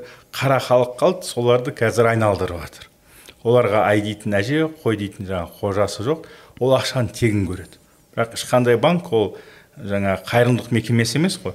Саған мә деп бере салады ол да ақшаны қарызға пайызға алып отыр саған да пайызға беріп отыр. Сондықтан әр адам түсіну керек қой. Егер ол маған ноль процентпен үш ай бойы каникул берсе ол ақшаны егер мен төлей алмасам төртінші ай маған 30 процент бірден жүгіріп келеді. Қайдан келеді ол? Өйткені банк әдейі сол маркетингті қолданып осы ақшаны сен тегін деп ойлан деп саған беріп алады да ары қарай сосын сенің арқаңда жаңа паразитарлық жолмен өмір сүргісі келеді. Алла разы болсын. Мынау енді банк банкке кетіп қалдық қой енді банк мәселесіне. Бізде мысалы ислам банк жүйесіменен ә, жүйелі түрде жұмыс жасап жатқан банктер бар ма жоқ па? Ә, бізде ислам жүйесімен істеп жатқан банктер бар. Неге олардың қалған банктер секілді аты шықпайды мысалы? Әлде белгілі бір шек деңгейде шектеулер бар ма? Шектеулер де бар. Бірінші сосын екінші жағынан енді бұл нарық болғаннан кейін сұраныс болу керек. Сұраныс болса ұсыныс болады. Біздің халықтың тарапынан және ол жерде өсімқорлық пайыз жоқ десең олар пайыз жоқ түсінеді да жүгіріп келеді. Ақшаны тегін беріп жатыр екен деп. Сосын ананы естігеннен кейін ой сендер де сөйтеді екенсіңдер ғой бүйтеді екенсіңдер ғой мәселе онда емес. Мәселе оның халялдығында егер ол адал болса онда оны пайдалану керек. Жаңа нарықты біз өсіруіміз керек. Сонда конкуренция болса олар өздері ертең реттеледі. Бірақ қай жерде мысалы ислам қаржысы бар дұрыс дамып келе жатқан көп мемлекетті алыңыз оларда жаңағы кредитный портфель деген нәрсе бар ғой. Банк кімге ақша беріп отыр? Соны қарасаңыз реально ана адамдардың ақшасы просто ақша алды қайда жұмсағанын ешкім білмейді кетіп қалды ол ақша. Ал бұлар ақшаны алды неге? жаңағы үй салуға машинаға реальный нәрсеге ақша алды и сол ақшаны қайтарып беріп жатыр. То есть адамдарға бір актив қалады қолдарында. Қолдарында қалады. Ал ақша деген су ғой ертең тойға барамыз анаған жұмсай саламыз да сосын басымызды ұстап жүреміз. Сондықтан біз мына нарықты өзіміз пайдалануымыз керек және ә, сұранысты өзіміз қалыптастыруымыз керек. Мен бір ғана мысалды айтайын. Осы алматы қаласында біз баяғыда 2000 жылдардың басында намаз оқып бастағанда ә, халал колбаса деген нәрсені таппайтын едік. Сол жалғыз фирма мына кузиев деген азаматтың бент деген фирмасы болатын сол тауықтан колбаса жасайтын сол жұма намазында орталық мешіттен шыққан адамдардың бәрі солар жаңа бір лотокпен келеді прицеппен и сол жерге очередьке тұрады. Жамағаттың бәрі. Иә. Көрдіңіз ба? Ал қазір кез келген дүкенге кіріңіз оларда не? Халал бар ма десеңіз халал бар. Неге? Өйткені халықтың тарапынан сұраныс бар. Сұраныс бар жерде ұсыныс болады. Сондықтан біз оны қалыптастыруымыз керек. Мен қазір айтамын мынау отбасы банк бар басқа банктер бар. Сол жерге барып сұраңыз неге сізде адал жоқ? Мерседес сатып алғыңыз келе ме? Барып сұраңыз мерседес центрден. Халал бар ма? Неге жоқ? Сөйтіп сұрай берсеңіз сұрай берсеңіз. Баяғыда битлстар сөйтіп битлс болып кеткен дейді ғой. Әр пластинка сататын дүкен. Сізде битлс бар ма деп сұрайды. Жоқ сізде сосын битлстар келеді. Біз битлспыз пластинканы ой ой ой кел кел кел. Көрдіңіз ба? Маркетинг деген сол ғой. Иә иә. Бір жағынан оны біз өзімізге дұрыс пайдалана білуіміз керек. Алла разы болсын ұстаз. Енді осы қарыз алу барысында батыр аға жалпы қарызға басын ұрған жаңа қарызға батқан адамдарға қандай осы қарыздан құтылатын қарыздан шығатын қандай насихат айтатын едіңіз? Не істеу керек олар жалпы? Қарызды қарызбен жабу керек па? Ешкім еңбек қылу керек па? Иә. Ең бірінші енді негізі қарыз алған кезде шариғатымызда да бар ғой да жазу керек та иә жазу керек иә. Иә ол кісі жазу керек мына кісі жазу керек екі куәгер болу керек. Куәгерлер енді сыйлы құрметті адамы болса ана жерге куәлік еткен. Негізі ол істе береке болады. Ә, кеше бір ә, жақсы зат өттік. Мынау құрманғазы аға бәрімізді бір жерге шақырыпты. Сол кісі сол жерде осы затты айтты да жаңағы ақада ахада деген нәрсе болады дейді да. Ахада деген нәрсе ауыз екі ауыз екі келісу ақада деген бір жерге жазып келісу. Жазу үшін даже асты қатты болу керек дейді да. Сондықтан мынау жазып келісудің ә, несі мүлдем бөлек. Ауыз екі келісе салу деген мүлдем бөлек. Бізде енді сондай бір қарыз алған кезде сондай бір не бар? Е қайтарамын ғой бере салшы дейді да. А егер де келіп отыр жазайық десең бір ей туысқанбыз ғой или таныспыз ғой не болды сонша жазып? деген сияқты нәрсені айтады да. Бұл аят деген негізі сахабаларға түскен ғой. Ол, ол тақуалықтар ол кісілердің біздікімен ешқандай да келістіре алмайсың да біз ондай тақуалық көрдік па көрген жоқпыз ба? Ол да сұрақ үлкен. Сондықтан ол тақуа кісілердің өзі отырып өзі өзара жазып мынандай күні берем мынандай куәгер болсын десе ол затты бізге істеу керек. Істесек енді береке болады. Бірақ енді оның бәріне білім керек тектілік керек. Ә, жаңа бауырымыз да жақсы қозғап отыр да біздер жаңағы ә, құлдық санадан шықтық деп. Негізі проблема біз ә, кішкентай кішкентай проблеманы ойлаймыз да негізі проблема дейтін ар жақта ғой негізі. Үлкен проблема шешілсе үлкен көзқараспен қараса мысалы біздерді ә, құлдық санаға неғылғаннан кейін мысалы ә, мұса алейхисалам мысалы ә, израильді алып шықты ғой израильден. Сол кезде қырық жыл ә, істепті мысалы да ә, жазық жерде жатты. Неге жатты қырық жыл? Өйткені ол жерде екі буын ауысып шығады қырық жылда. Неге мынау құлшылық ә, құлдық санадан өткен буын негізі көп үлкен тіршіліктер істей алмайды үлкен мақсат қоя алмайды и қорықпай тәуекел ете алмайды ондай адамдар. И сондықтан ол ә, жаңағы әбден құлшылық көрген адамға негізі бірінші сол жақтан бастау керек та сана сезімін босату керек. Ол бағанағы зиялы қауымдарымыз деп айтып отыр. Мен соны өзім тексеріп қарадым да бізде мысалы ә, сол 38 жылдары 100 мың адам өлсе соның 25 мыңы зиялы қауым. 25 мыңы интеллигенция. Бір, бүгін бүгінгі тілмен айтқан кезде элита. 25 мың сіз ойланып қараңызшы 25 мың элита бір уақытта бір жерде бір кезде болған қазақта. Бөкейхан атамыз сол кезде айтқан біздер жапондарды зерттеп батысты зерттеп өз салт дәстүрімізге сай мемлекет құрамыз деп айтқан кісі. Тоғыз тілді білген кісі. Сол жылы бөкейхан атамыз тоғыз тіл білген ленин тоғыз тіл білген. Сондай грамотный адамдардың 25 мыңы. Қазір мысалы компанияда жүрген басында жүрген бір он адамды алып тастасаңыз компания дейтін екі аптадан банкрот болады. Қалған адамдар оны істей алмайды. Сол сияқты бір қауымның ішінен элитаны алып тастасаңыз ол анау сорпаның бетіндегі майын алып тастағандай болады ол сылдыр су қалады астында. Ол уже ол халықпен жұмыс жасау да оңай ол халықты сөйтіп еңсесін басып тастау да оңай да. И ол халық ертесінде ол кредитпен де де басқа затпен де де қарыз алуда да андай бір рухы төмен болып қалады да. И сондықтан да и сосын мен бір жерде қалай қазақта бір жерде 25 мың адам болады деп ары қарай зерттеп қарадым. Сөйтсем мынау мынау ә, алтын орда хандығы құралды ғой шыңғыс хан. Негізі шыңғыс ханды таққа отырғызып хан қылып сайлаған ол қазақтар. Мынау алтайдан таразға дейінгі жатқан ол қыпшақтар. Алтын орда хандығының тағы бір аты бар қыпшақ хандығы деген. Бүткіл мынау жаңа айтып отырмыз ғой ең бастысы команда деп. Мынау шыңғыс ханның командасында болған ол қазақтар. Мен ойлап жүрген біздің жеріміз тоғызыншы орын деп. Сөйтсек ол біздің жеріміз бірінші орында екен. Өйткені қалған жерлердің бәрі ол басқа басқа ұлттардан жиналған. Федерация или құрама штаты құралған басқа жерден а егер де бір елдің жатқан жерін алатын болсаң ол қазақстан ең үлкен. Бір ел ең үлкен жерде жатырмыз. Қараңызшы енді ар жағын үңілсеңіз екатериновтар айтады ғой егер қазақтар өзінің кім екенін білсе олар жердің жүзін жаулап алады дейді. Біздерді сондай ар жағында историямызды ұмытқызып тастады да тарихымызды. Е біздерді мына құлдық санадан өткізді біздер қазір ойымыз да майдаланып кетті мақсатымыз да майдаланып кетті. Кішкентай адам болып қалдық та а кішкене бір артқа қарай жүріп кішкене көзқарасымызды дұрыс қарасақ ә, бізде сондай текті. Мен мен кейде айтамын жігіттерге егер де сол 25 мың адам бүгін тірі болғанда деймін да сондай да версиялар бар екен. 38 сегізінші жылы өлді деп елу жетінші жылға дейін ұстап отырған миын пайдаланып отырған. Міржақып атамыз сияқты кісілердің миын пайдаланып отырған. Докойспен ол кісілер жақсы жұмыс жасаған. Сол адамның 25 мыңы бүгінге дейін болғанда америкамен біз санаспас па едік деп ойлаймын да. Сол кезде бөкейхан атамыз айтқанда голландияны қараңдар қалай мал шаруашылығын дамытып жатыр мал шаруашылығын дамыту деген ол малдың артынан жүру емес оны зерттеу. Сол кезде голландияны зерттеген да сол жүз мың жыл бұрын. Жүз мың жыл бұрын солай айтқан да. Қараңыздаршы қандай кісілер болған қандай бизнесмен кісілер болған.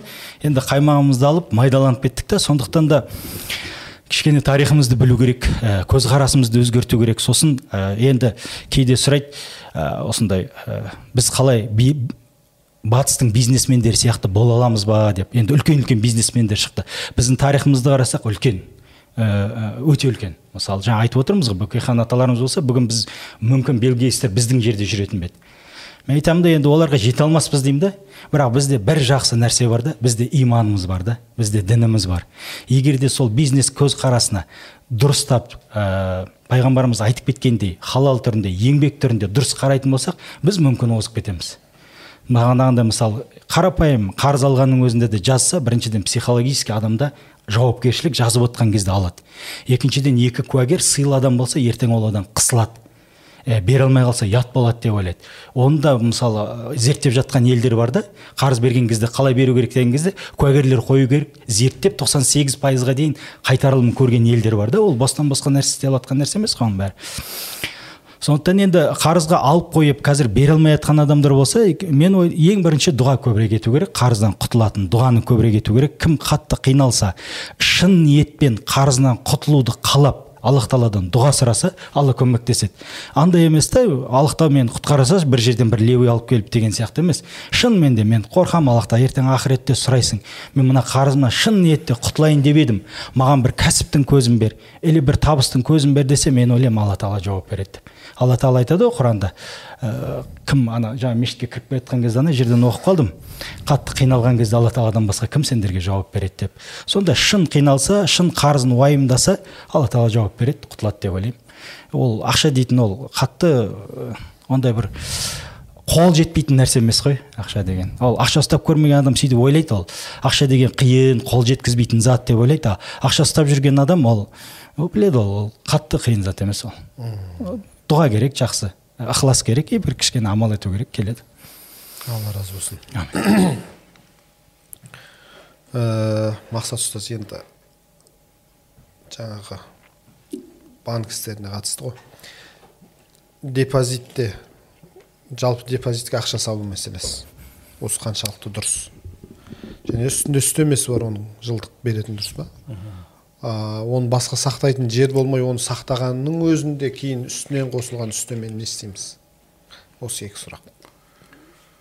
Ол енді басқа ә, жаңа бір жағын айттық қой банктер қарыз береді. Енді адамдар да банкке депозит алып берсе ол да банкке қарыз беріп жатыр.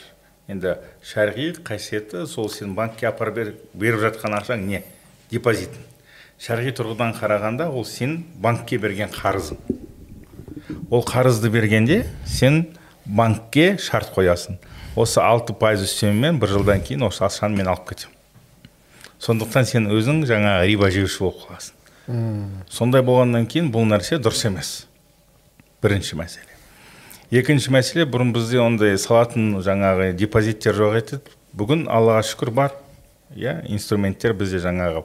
Әл хиляль деген банк ашылды. Заман ислам банк ашылды. Солардың депозиттері бар. Доллармен де ақша салуға болады ол жерге. Бірақ мүмкін жаңа пайыздық жағынан енді пропорция жағынан олардың беріп жатқан ақшасы мүмкін аздау болар нарықтағы басқа банк. Бірақ ол адал нәрсе. Адал нәрседе береке болады. Береке деген нәрсе мен айтамын да мысалы бай адамнан керемет бір бизнесмен адамның отбасынан барып сұраңызшы. Сіз айына қанша ақша жұмсайсыз? Олар айтады мысалы бір миллион теңге. Бірақ бір миллион теңге неге кетіп жатыр? Сол біздің жеген тамағымызды олар да жейді бірақ тамағы жақсырақ. Бірақ олардың әрқайсысы мен күнде бір машина алып жатырмын күнде самолетпен италияға жатамын басқа жерге барып жаңа футболдың финалын көруге лондонға барып жатырмын деп ешкім айтпайды. Өйткені байлардың барлық ақшасы есепте. Олар бір тиын бөлек шығармайды. Сол сияқты банктерде иә сізге сіз ақша бердіңіз ба? Олар сізге ешқандай қосымша бонус бермейді. Қанша келістіңіз сонша береді. Бірақ ол нәрседе берекет деген нәрсе бар. Неге ол бай адамдар жаңағы бай болып кетті? Өйткені олар жаңа ақшаны ә, басқарудың жолын тапты. Отбасына келіп айтты әйеліне қанша ақша керек саған? Осынша ақша керек ма осы ақшаны сен болды басқа менен ешнәрсе сұрама сол ақшаға ол әйелі сыю керек иә? Одан басқа бюджет жоқ екенін ал басқа ақшасының бәрін ол ақша табуға салып жатыр ал біз не істейміз? Ақшаны аламыз оны жұмсаймыз. Келесі ақша әкелетін бір инструмент жоқ. Сондықтан осы жаңа халал бизнестен бастасақ бірінші моделі. Екінші моделі біз өзіміз бірігуіміз керек мұсылмандар. Жалпы баяғыда мысалы ақшаға не істеген? Керуенге ақша. Қайда бара жатсыңдар шамға бара жатырмыз. Мен мысалы су сатамын там басқа бір мата сатамын шәйнек сатамын сол шәйнек сататын адам айтады сен шамнан осынша шәйнек алып кел. Анау айтады осындай мат алып кел. Бәрі ақша береді. Ол біздің тілмен айтқанда инвестиция да. Ол барып керуенмен алып келеді. Бұлар сосын ол нәрсені сатады. Сол сияқты адамдар бірігіп бір керуенді жіберіп отыр да. Ана керуеннің басшысы бір түйемен барып алып келуі мүмкін аз аздан. Бірақ пайда көрмейді да. Бірақ жаңағы ә, краудфандинг дейді ғой бәрі аз аздан ақша жинап бір керуенді жіберіп жатыр да. Сол сияқты біз аз аздан ақша жинасақ бір үлкен жоба жасауға мүмкіншілігіміз бар. Қазір енді бізде мына екі үш пилотный проект бар. Иншалла соны бір жүзеге асырсақ біз де енді шығамыз иә. Енді кішкене адамдар қазір жаңағы заңды жағынан не жағынан апробация өтіп жатыр. Бірақ адамдар түсіну керек та. Біз тоқсаныншы жылдар бітті. жүз теңге беріп жүз елу теңге алады. Біз қазір он үстінен жылдық там он пайыз сондай деңгейде табыс көрсек соныңыз альхамдулилля. Адал нәрсе ішінде берекеті бар. Бірақ ол ақшаны сен қайдан алып жатрсың қайда салып жатрсың адал нәрсемен алдың я адал нәрсеге саттың және қасындағы бір бауырыңның бизнесін сен жандандырып бердің. Ол адам өзіне жаңағы қосымша фонд дейді ғой енді. Мысалы тауар алды бірақ тауар келіп тұрғанда өзі күтіп тұрған ақша беретін адамы жаңағы қарыздар қарызын берген жоқ. Ақшаны қайдан алады? Бізде банкке жүгіріп барады да. Соған біз альтернатива. Қосымша бір қаржы құралын тауып беруіміз керек. Солай істесек оның да реальный бизнес көтеріледі бізге де пайда жағынан жақсы. Сосын ол адам да түсінеді иә? Адал жолмен ақша тауып жатырмын соның берекесі бар екен. Ал егер не болмаса салыстыру болмаса онда ол түсінбейді. Мысалы біз қалай түсіндік халал ет дұрыс екен? Өйткені біз көрдік мынандай жолмен мынандай жолмен. Өлген малдарды әкеліп сатады андайын әкеліп сатады ауруын әкеліп сатады. Уже ол дұрыс емес. Кеше мысалы бір жерде қымыз сатып жатыр екен саумал кәдімгі биелерді байлап қаланың ішінде осы. Мен өзім таң қалдым сосын бір ә, орыс кісі келіп это отыз жылдан бері мен саумал ішіп жатырмын бір аурудан кішкентай стақаны бар сонымен келеді алтыда сегізде он екіде ішеді. Көрдіңіз ба? Неге ол келіп жүр ол жерге? Өйткені ол көрді кішкентай саумалдың қандай пайдасы бар екен? Ал сіз қалада жүрген маған қазір сол саумалды берсеңіз мен ішемін де айтамын мынау не бәле сүтті сумен араластырып жібердіңдер ма мынау не нәрсе? Деп ал адам өзінен көрді. Бүкіл денесіне аурулар кетті витаминдер келді иммунитеті көтерілді. Содан кейін ол барып сол жерге көріп жатыр ал егер біз оны көрмесек қазір жүз рет айтсам да мынау халал мынау харам сіз оны сезбегенше оны істеуге қатты құлшынысыз болмайды сондықтан біз нарықта мұсылмандар комьюнити дейді ғой. Неге біз жамағат жамағат деп пайғамбарымыз қақсап өткен? Саллаллаху алейхи уассалам. Өйткені жамағат деген үлкен күш. Жалпы біздің үмметімізде кішкентай осы ячейка дейді ғой жамағаттан құралған нәрсе. Сондықтан біз бір бірімізге демеу болып сүйеу болып ә, мысалы мен айтамын да ол нәрсені ақшаны бәрібір банкке апарып беріп жатрсың ғой. Сен лучше осында мысалы бизнесмен ағаларымызға апарып бер. Олар саған банктен қарағанда даже оның пайдасын көбірек қылып қайтарып береді. Бірақ ол салатын ақша ол тек қана жаңа тойға кететін ақша емес ол реально пайдасы бар басқа біреу бизнесіне ә, қолғабыс беретін оның бизнесін мүмкін тұрғызып жіберетін аяғына сол нәрселерге жұмсалады. Сондықтан біз соны ойланып кішкене форматты өзгертуіміз керек.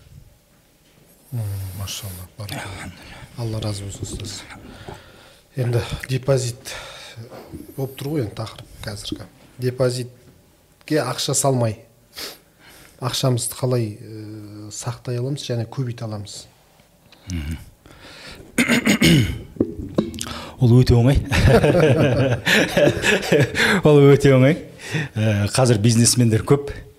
Енді бұл жерде банк деген кім ол? Банк қара халық пен бизнесмендердің ортасында отырған посредник қой былай айтқанда. Мынадан алты процентпен алды да мынаған жиырма процентпен берді или жиырма беспен берді. Просто ортада отырған посредник. Ақшаны алып біреуден алып біреуге беріп отырған и просто сол ортадағы посредникті алып мына жаққа берсе жаңа мақсат бауырымыз айтып жатыр да сен көбірек аласың деп. Өйткені мынау банкке беріп отырған адам неге мынаған бермеске сол ақшаны? Сонда мынау уже посредник болмайды алты процент емес мүмкін годовой он он бес мүмкін жиырма. Егер де жаңағыдай рентабельності жоғары бизнес болса мүмкін отыз алты ә, сол сияқты қазір бизнесмендер өте көп ә, тіршілік жасап жатырған. И қазір бизнесмендер уже грамотный уже түсінеді. Ә, бір инвестор тартпайды жүз инвестор екі жүз инвестор. Разница жоқ біреу келіп бір миллион теңгесін де сала алады біреу келіп бес жүз мың теңгесін де сала алады сол бизнестің ішінен өзінің бес жүз мың мысалы бір бес жүз миллион айналып жатырған үлкен обороттың ішінен өзінің бес жүз мың теңгесінің пайдасын көріп соны алып отырады. Үлкен бизнестің ішіне салып қоюға болады. Ондай бизнестер өте көп қазір. Ә, соларға барып договорын оқып еще ә, жаңа мұсылман өзіміздің жамағаттың өзіміздің бауырымыз қазақ бауырларымыздың істеп жатқан шетелдік ондай ештеме емес. И бәрін прозрачно көруге болады. Қазір IT технология дамыған. Ол инвесторды мына жерге қосып береді. И күнде не өтті не өткен жоқ. Күнде кешке жақын бет көреді. Қанша өтті қаншасы садақаға кетті ә, қанша прибыль өзінде қалды. Мысалы біздер өздеріміз солай істеп жатырмыз. Біздерде қазір жиырма жиырма бес инвестор бар. Әрқайсысы қырық миллионнан бес миллионнан жеті миллионнан салып қойған. Бізде оборот үлкен айналып жатыр. Ең бірінші жаңағы операционный прибыльден кейін он процентін садақа деп келісеміз біздер сразу. Мына сауда түсті мысалы жүз теңгеге зат алдық жүз он теңгеге саттық. бір теңгесі сразу он процент сразу бізде неге кетті? Садақаға кетті. Сол операционный расход таза қалған прибыльден міне сіздің процентіңіз міне біздің процентіміз деп елу де елу мысалы бөлісіп істеп жатырмыз. И сол сияқты бизнесмендер көп банкке апарып салып алты процент алғанша лучше годовой отыз алты отыз бес процент алатын бизнестер өте көп. Сол, сол жаққа бару кеңес беремін алла разы болсын. Ә, енді жаңа ә, осы өзіңіздің айтқан насихатыңызда жаңа не депозитке қатысты ә, көріп мысалы естіп біліп сол депозиттің арам екендігін түсініп депозитке салып қойған адамдар болса соның үстіндегі мысалы үстем ақысы өзінің ақшасын шығарып алып үстінен қосылған ақшасын соны не істеуге болады? Оны енді пайғамбарымыз саллаллаху алейхи уассалам айтып кеткен ғой. Осы жаңағы қоштасу қажылығында да? Сен бірінші алған нәрселерің все бізде қалды. Алла тағаланың үкімі құранда айтты жақсы оны алдым. Енді қалған нәрсесі сізге тисе ол енді дұрыс емес болғандықтан оны сен өзіңе ала алмайсың. Оны біз не істеуіміз керек? Жаңағы садақа қылып банкте де қалдырып кеткім келмейді. Жоқ оны банктен алу керек вообще банктерге негізі олардың өздерінің ақшасы жетеді. оны жаңағы мұқтаж адамдарға бірақ садақа ниетімен болмау керек та. Өйткені садақа беретін ақша ол жаңа шариғат тұрғысынан таза ақша болу керек харам. Да мин харам. Бірақ оған сен айтпайсың ғой мынау харам малым деп та. Ешнәрсе айтпай бере иә, салу керек иә, сыйлық ретінде беріледі да. Кеше мысалы бізде бір бала ет сатып алыпты. Сосын ішінде бір шак та. Былай ғой енді бір ауылдан ет алған сосын ол ауылда былай он жылқы жоғалып кетіпті. Сол етін біреу сразу сатып жіберген ғой сосын үлкен не болып тұр дейді да шаг сосын мен айттым егер шак болса онда сен апарып бер бірақ сен енді айтпайсың оған менің шагым бар мына ұрланған мал шал деп. Просто апарып бер мұқтаж адамға алла тағала артынан өзінің жаңа несін келтіреді иә. Бірақ мен айтып тұрған нәрсем ә, адам баласы ол түсіну керек та ә, мен енді кейде қатты батырып айтамын да мысалы бізде жаңа ісік ауру дейді иә рак. Рак ауру көп иә әр қазақ түсінеді. Отбасында әйтеуір бір туысқан сол нәрсемен ауырып шықты. Рак деген нәрсе қалай? Ол клеткалар біздің ағзамызда бар. Бірақ сен оларға бір толчок бересің олар тез көбейе бастайды. Оны тоқтата алмайсың.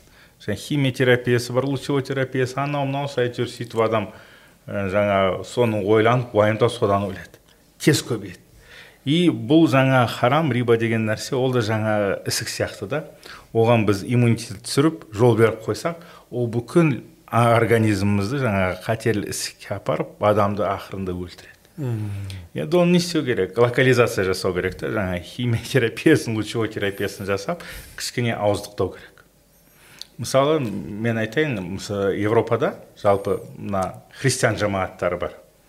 Олар да соны түсінді да банктер бізді енді былай қазақтың или былай айтайын коммунистердің тілімен айтқанда қанап отыр.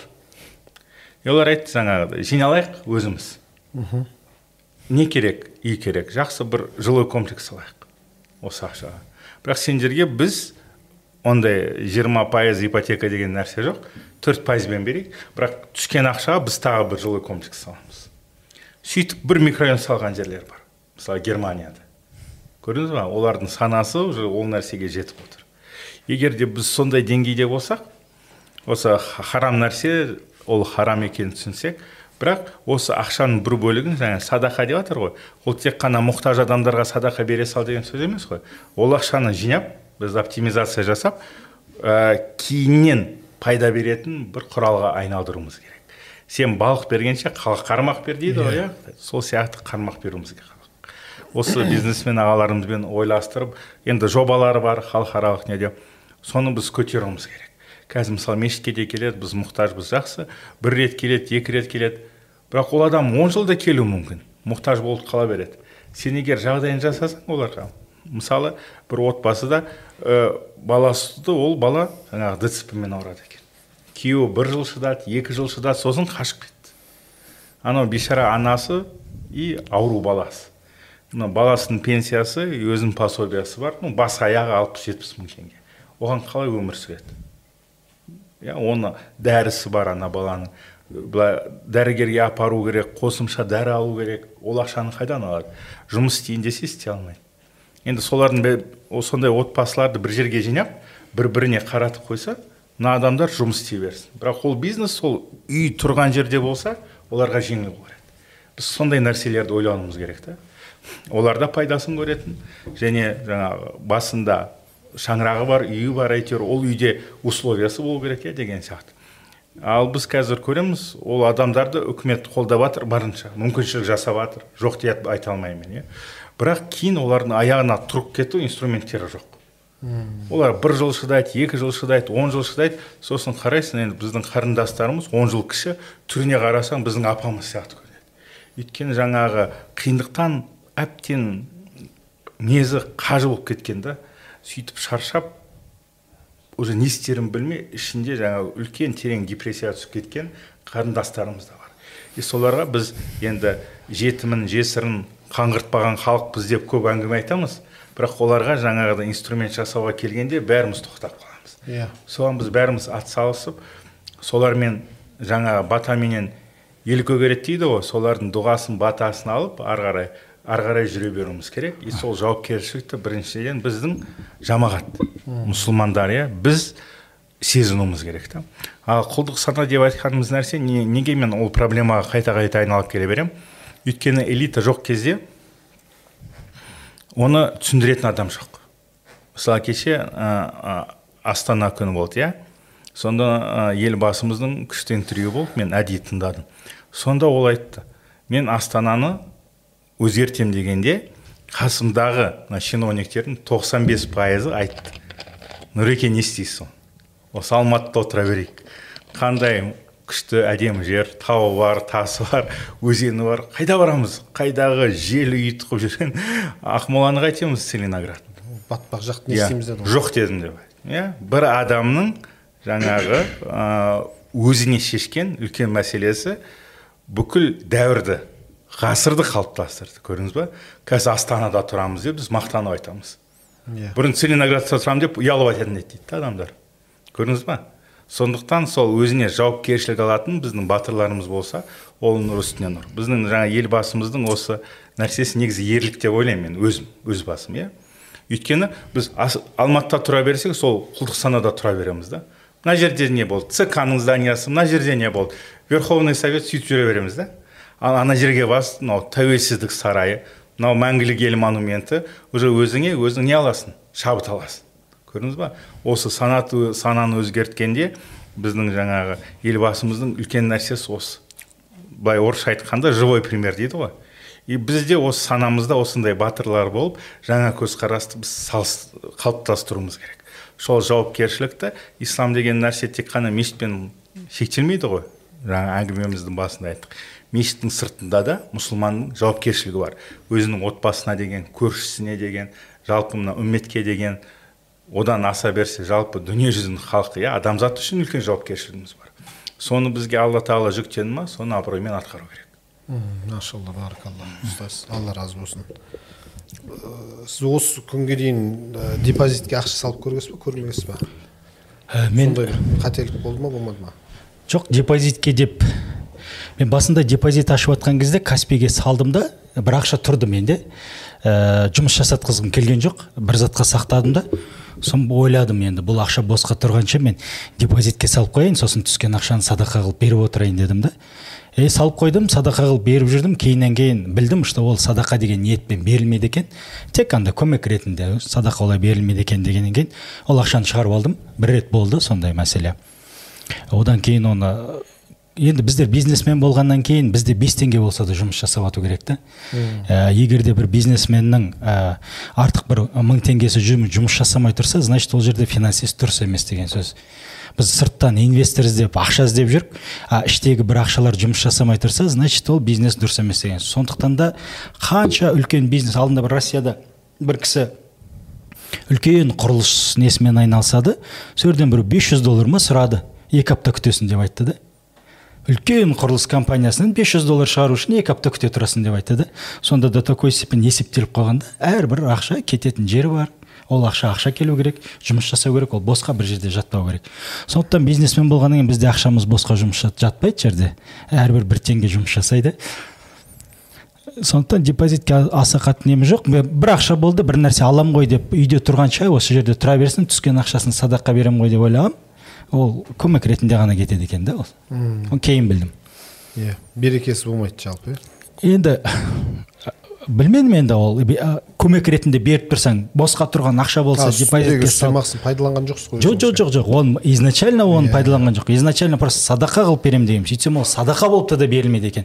Просто yeah, көмек ретінде айтады екенсің да иә содан кейін енді бизнесмен болған шығарып алдық ол ақша ә, жұмыс жасап жатыр қазір. Алла разы болсын. неме жоқ. Енді қазіргі халықтың көпшілігінің басым көпшілігінің негізгі проблемасы тұрғын үй мәселе. Тұрғын үй мәселесі. Енді осы халық үй алу үшін ә, көбіне ипотекаға жүгініп жатады немесе тағы басқа осындай кредит секілді тағы да басқа үй шығаратын сондай жүйелерге жүгініп жатады. Осы жалпы қасиет шариғатымызда қандай бұл? Ипотеканың үкімі. Ипотека дегенде ол да қарыз ғой. Ана үстемемен беретін өсімқорлық пайыз. Иә. Бірақ оның баламалы жолы бар. Мен айтып тұрған ақшаны қарызға беру емес осы банк өзі үйді сатып алып саған қайта сатады сауда. Сол жолға ауыстырсақ онда ол нәрсе адал болады және ол жерде м береке болады. Ондай бар ма бізде? Бізде қазір мысалы аль хиляль банк жаңағы әл сақыр финанс деген компаниялар істеп жатыр. Бірақ ә, толығымен оның жаңа мүмкіншіліктері әлі шектеулі. Өйткені ақша аз. Енді мына отбасы банкімен қазір қазақстан мұсылмандар діни басқармасы мына жұмыс тобын құрып жатырмыз ә, осыларға бір ә, қалай дейді шариғаттың талаптарына сай келетін қаржыландыру механизмін жасап беруге. Бірақ ә, жаңа мен айтып жатқан нәрсем сол ғой біз ұсынысты көрсетуіміз керек. Сондықтан енді мүмкін муфтияттың сайттарынан болар бір ә, халықтан жамағаттан ә, опрос жүргізерміз. Сізге керек па жоқ па? Соған белсенді қатысса жамағат иншалла бірінші айтатын нәрсем сол сосын. Екінші нәрсе сіздер сол ә, отбасы банкке жазыңыз. Күніне әрбір жамағат бізде қанша? Мысалы он мың адам келеді әрбір мешітке жұмаға иә? Алматыда бес мешіт болса елу мың адам. Елу мың адам осы бір қалада. Екінші қалада жиырма мың адам үшінші қалада отыз мың адам. Осының бәрін бас аяғын жинасаң жүз елу мың адам жазады бір банкке. Онда ол банктың канцеляриясы сол қат қат болып кетеді да. Жазсын. Жыламаған балаға емшек жоқ дейді ғой. Иә, иә. сол емшекті қалай сұрайды бала? Солай сұрасын мен айтамын да енді баласы бар адам бәріміз түсінеміз иә. Бала жылаған деген нәрсе. Сен жаныңды қоярға жер таба алмайсың да бала жылаған кезде. Тамақты талап еткенде алла тағала миына сондай иә механизм ана жылаған кезде біреу үлкен кісі айқайласа оған әсер етпейді да құлағыңа мысалы. Білмеймін там лучано повороте димаш келіп өлең айтса саған жағып отырады да. Анау баланың жаңағы алып жатқан октавасы сенің миыңды тесіп жібереді ғой иә я хочу кушать болды. Еш нәрсе әсер етпейді. Оған сен ұйықтап жатрсың ба сен шаршап келдің ба ешқандай шаруасы жоқ жылау керек. И сөйтіп біз де жылауымыз керек. Отбасы банк мүмкін оның басшылығы қозғалуға ниеті жоқ шығар. Ей зачем лишний жұмыс и так жұмыс жүріп жатыр тағы да басымызға ауру тауып бересіңдер ма деп. Бірақ біз жылауымыз керек. Иә. Лучше сендер тауып беріңдер а то біз одан да басқа бастарыңды жаңа ауру тауып беретін жылайтын әдіс тауып аламыз. Сөйтіп жылауымыз керекпіз неге десеңіз өйткені ә, мысалы мына англия дейміз ғой ұлыбританияда ә, қазір алты ислам банк істеп жатыр. Жүйелі түрде. Жүйелі түрде. Бірақ ол жерде мұсылмандар бір де алты миллион да шамамен.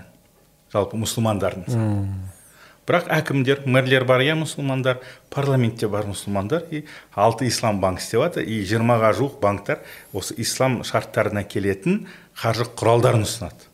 Көрдіңіз ба? Енді германияға барайық. Германияда почти алты миллион мұсылман тұрады. Ол жерде бірақ ислам банкі бар. Көрдіңіз ба? Неге?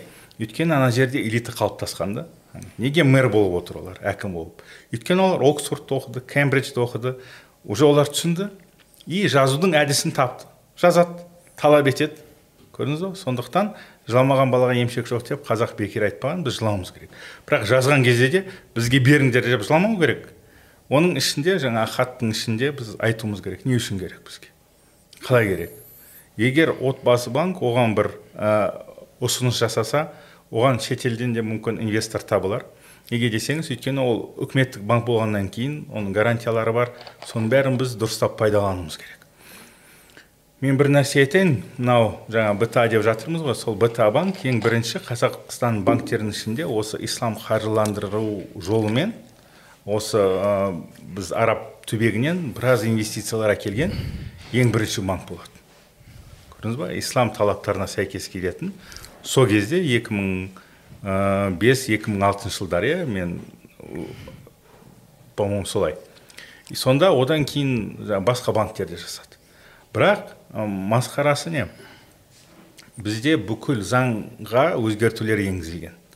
Ислам банкін біз қоптаймыз қолдаймыз үлкен программалар бәрін не істеп қойдық қабылдап қойдық. Бірақ қозғалыс жоқ. Неге? Өйткені ұсыныс болмай жатыр халықтан халық талап ету керек. Беріңдер беріңдер беріңдер. Сонда ұсыныс пайда болады. Бізде мысалы қазір ә, жол карталары иә ислам даму ислам қаржыларын дамытудың жол картасы қабылданды үйтті бүйтті бірақ мысалы үлкен жобалар осы қаржы тартумен ә, жасалынып жатқан жоқ. Мысалы жаңа айтып кеттім англияда шотландияда үлкен грестер салған иә. Тоқ жасайтын үлкен станциялар осы ислам қаржыландыру оған қанша миллиард ақша керек соны тауып беріп жатыр а біз кішкентай жилой комплекс сала алмай жатырмыз даже. Көрдіңіз ба? Жаңағы нәрсе деген сол. Сондықтан біз санамызды оятып жаңағы жылап ол проблемамен ә, көбірек айналыссақ онда оның бір несі оң әсері болады деп ойлаймын. Мысалы қазір коронавирус туралы сұрасаңыз әрбір адам эксперт. Әрбір адам айтады сізге қалай одан сақтану керек екен қалай айығу керек екен. Әрқайсысының өз методологиясы бар. Неге? Өйткені ол қарады зерттеді зерделеді. Ал ислам банк туралы сұрасаңыз ешкімнің ешқандай ой түйсігі жоқ жамағаттың ішінде неге? Өйткені олар өздері айналысқысы келмейді ойланғысы келмейді и басын ауыртқысы келмейді. Машалла алла разы болсын ұстаз. Сосын осы тұрғын үй мәселесін шешуге барынша анау атсалысып жатқан э, ұйымдар қосымша. Рой деген секілді аманат хоум тағы не? Елмай дегендер. Э, осылармен осылардың нелерімен құжаттарымен танысып көрдіңіз ба? Осылардың басында айтып кеттік қой жаңа сетевой маркетинг. Олардың істеп жатқан бизнес модельдері осы сетевой маркетинг. Яғни дұрыс емес пирамида шариғи талапқа сай емес. талаптарға сай емес. Ә, және ол шариғи талаптан былай тұрсын жаңа экономикалық иә бизнес моделінің өзі дұрыс емес. Ол бәрібір жаңа банкроттыққа әкеліп және бізде ә, қылмыстық кодекста осы ә, финансовый пирамидаларды құру деген үлкен бап бар. Сол баптың астына біраз компаниялар кіріп кетті. Біразы іс қозғалып қазір тергеу үстінде жатыр. Сондықтан мен осы мұсылмандарды ол нәрсеге араласып белсенділік танытудан мен қатты енді былайынша енді айтады ғой барма дейді иә. Сосын барушы болма дейді. Сосын барсаң қайтып келме дейді сол сияқты мен енді ең соңғы иә күшейтпелі асырмалы шырайды қолданып одан бойларыңызды аулақ ұстаңыздар деп мен ескертер едім алла разы болсын. Жалпы негізі сізге таныс па ол рой секілді ұйымдар. Иә иә көріп жатырмыз естіп жатырмыз. Несі? Ә, жүйесімен танысып көргенсіз ба негізі олардың? Жүйелері сол бір бизнес модель ғой ол жерде бір терең жаңағындай ә, бір ә, керемет деген бір ә, ақылды адамдар отырып халықтың жағдайын ойлап бір керемет пайда көрсін үй алып қалсын деп отырған нәрсе емес ол. Жеңіл ат сол құралған нәрсе. Ә, бастапқы мысалы бір. Бес мың адам кірсе бастапқы бір. Мүмкін 500 адам мүмкін 200 адам. Жаңа мақсатбек ұстаз айтқандай басында бір бес алты белгілі бір топ қана пайдасын көреді. Иә солар пайдасын көреді да ар жағына олар олар ешқандай да ар жағына көмектесе алмайды. Ол мүмкін емес. Үлкен жауапкершілік алып тұр олар. Ар жағындағысы не істейді? Ар жағындағысын амал жоқ лақтырады. Ол ана түрмеге сотталсын шығарып беремін үйтем бүйтем ол мүмкін емес қолдан келетін зат емес. Бағанада мәкең айтып отыр ғой жаңағындай. Халық сұрау керек деп. Иә. Халық жыламаған балаға емшек жоқ деп. Ә, бізде көбінесе сол олда да бір құлдық сананың әсері деп ойлаймын.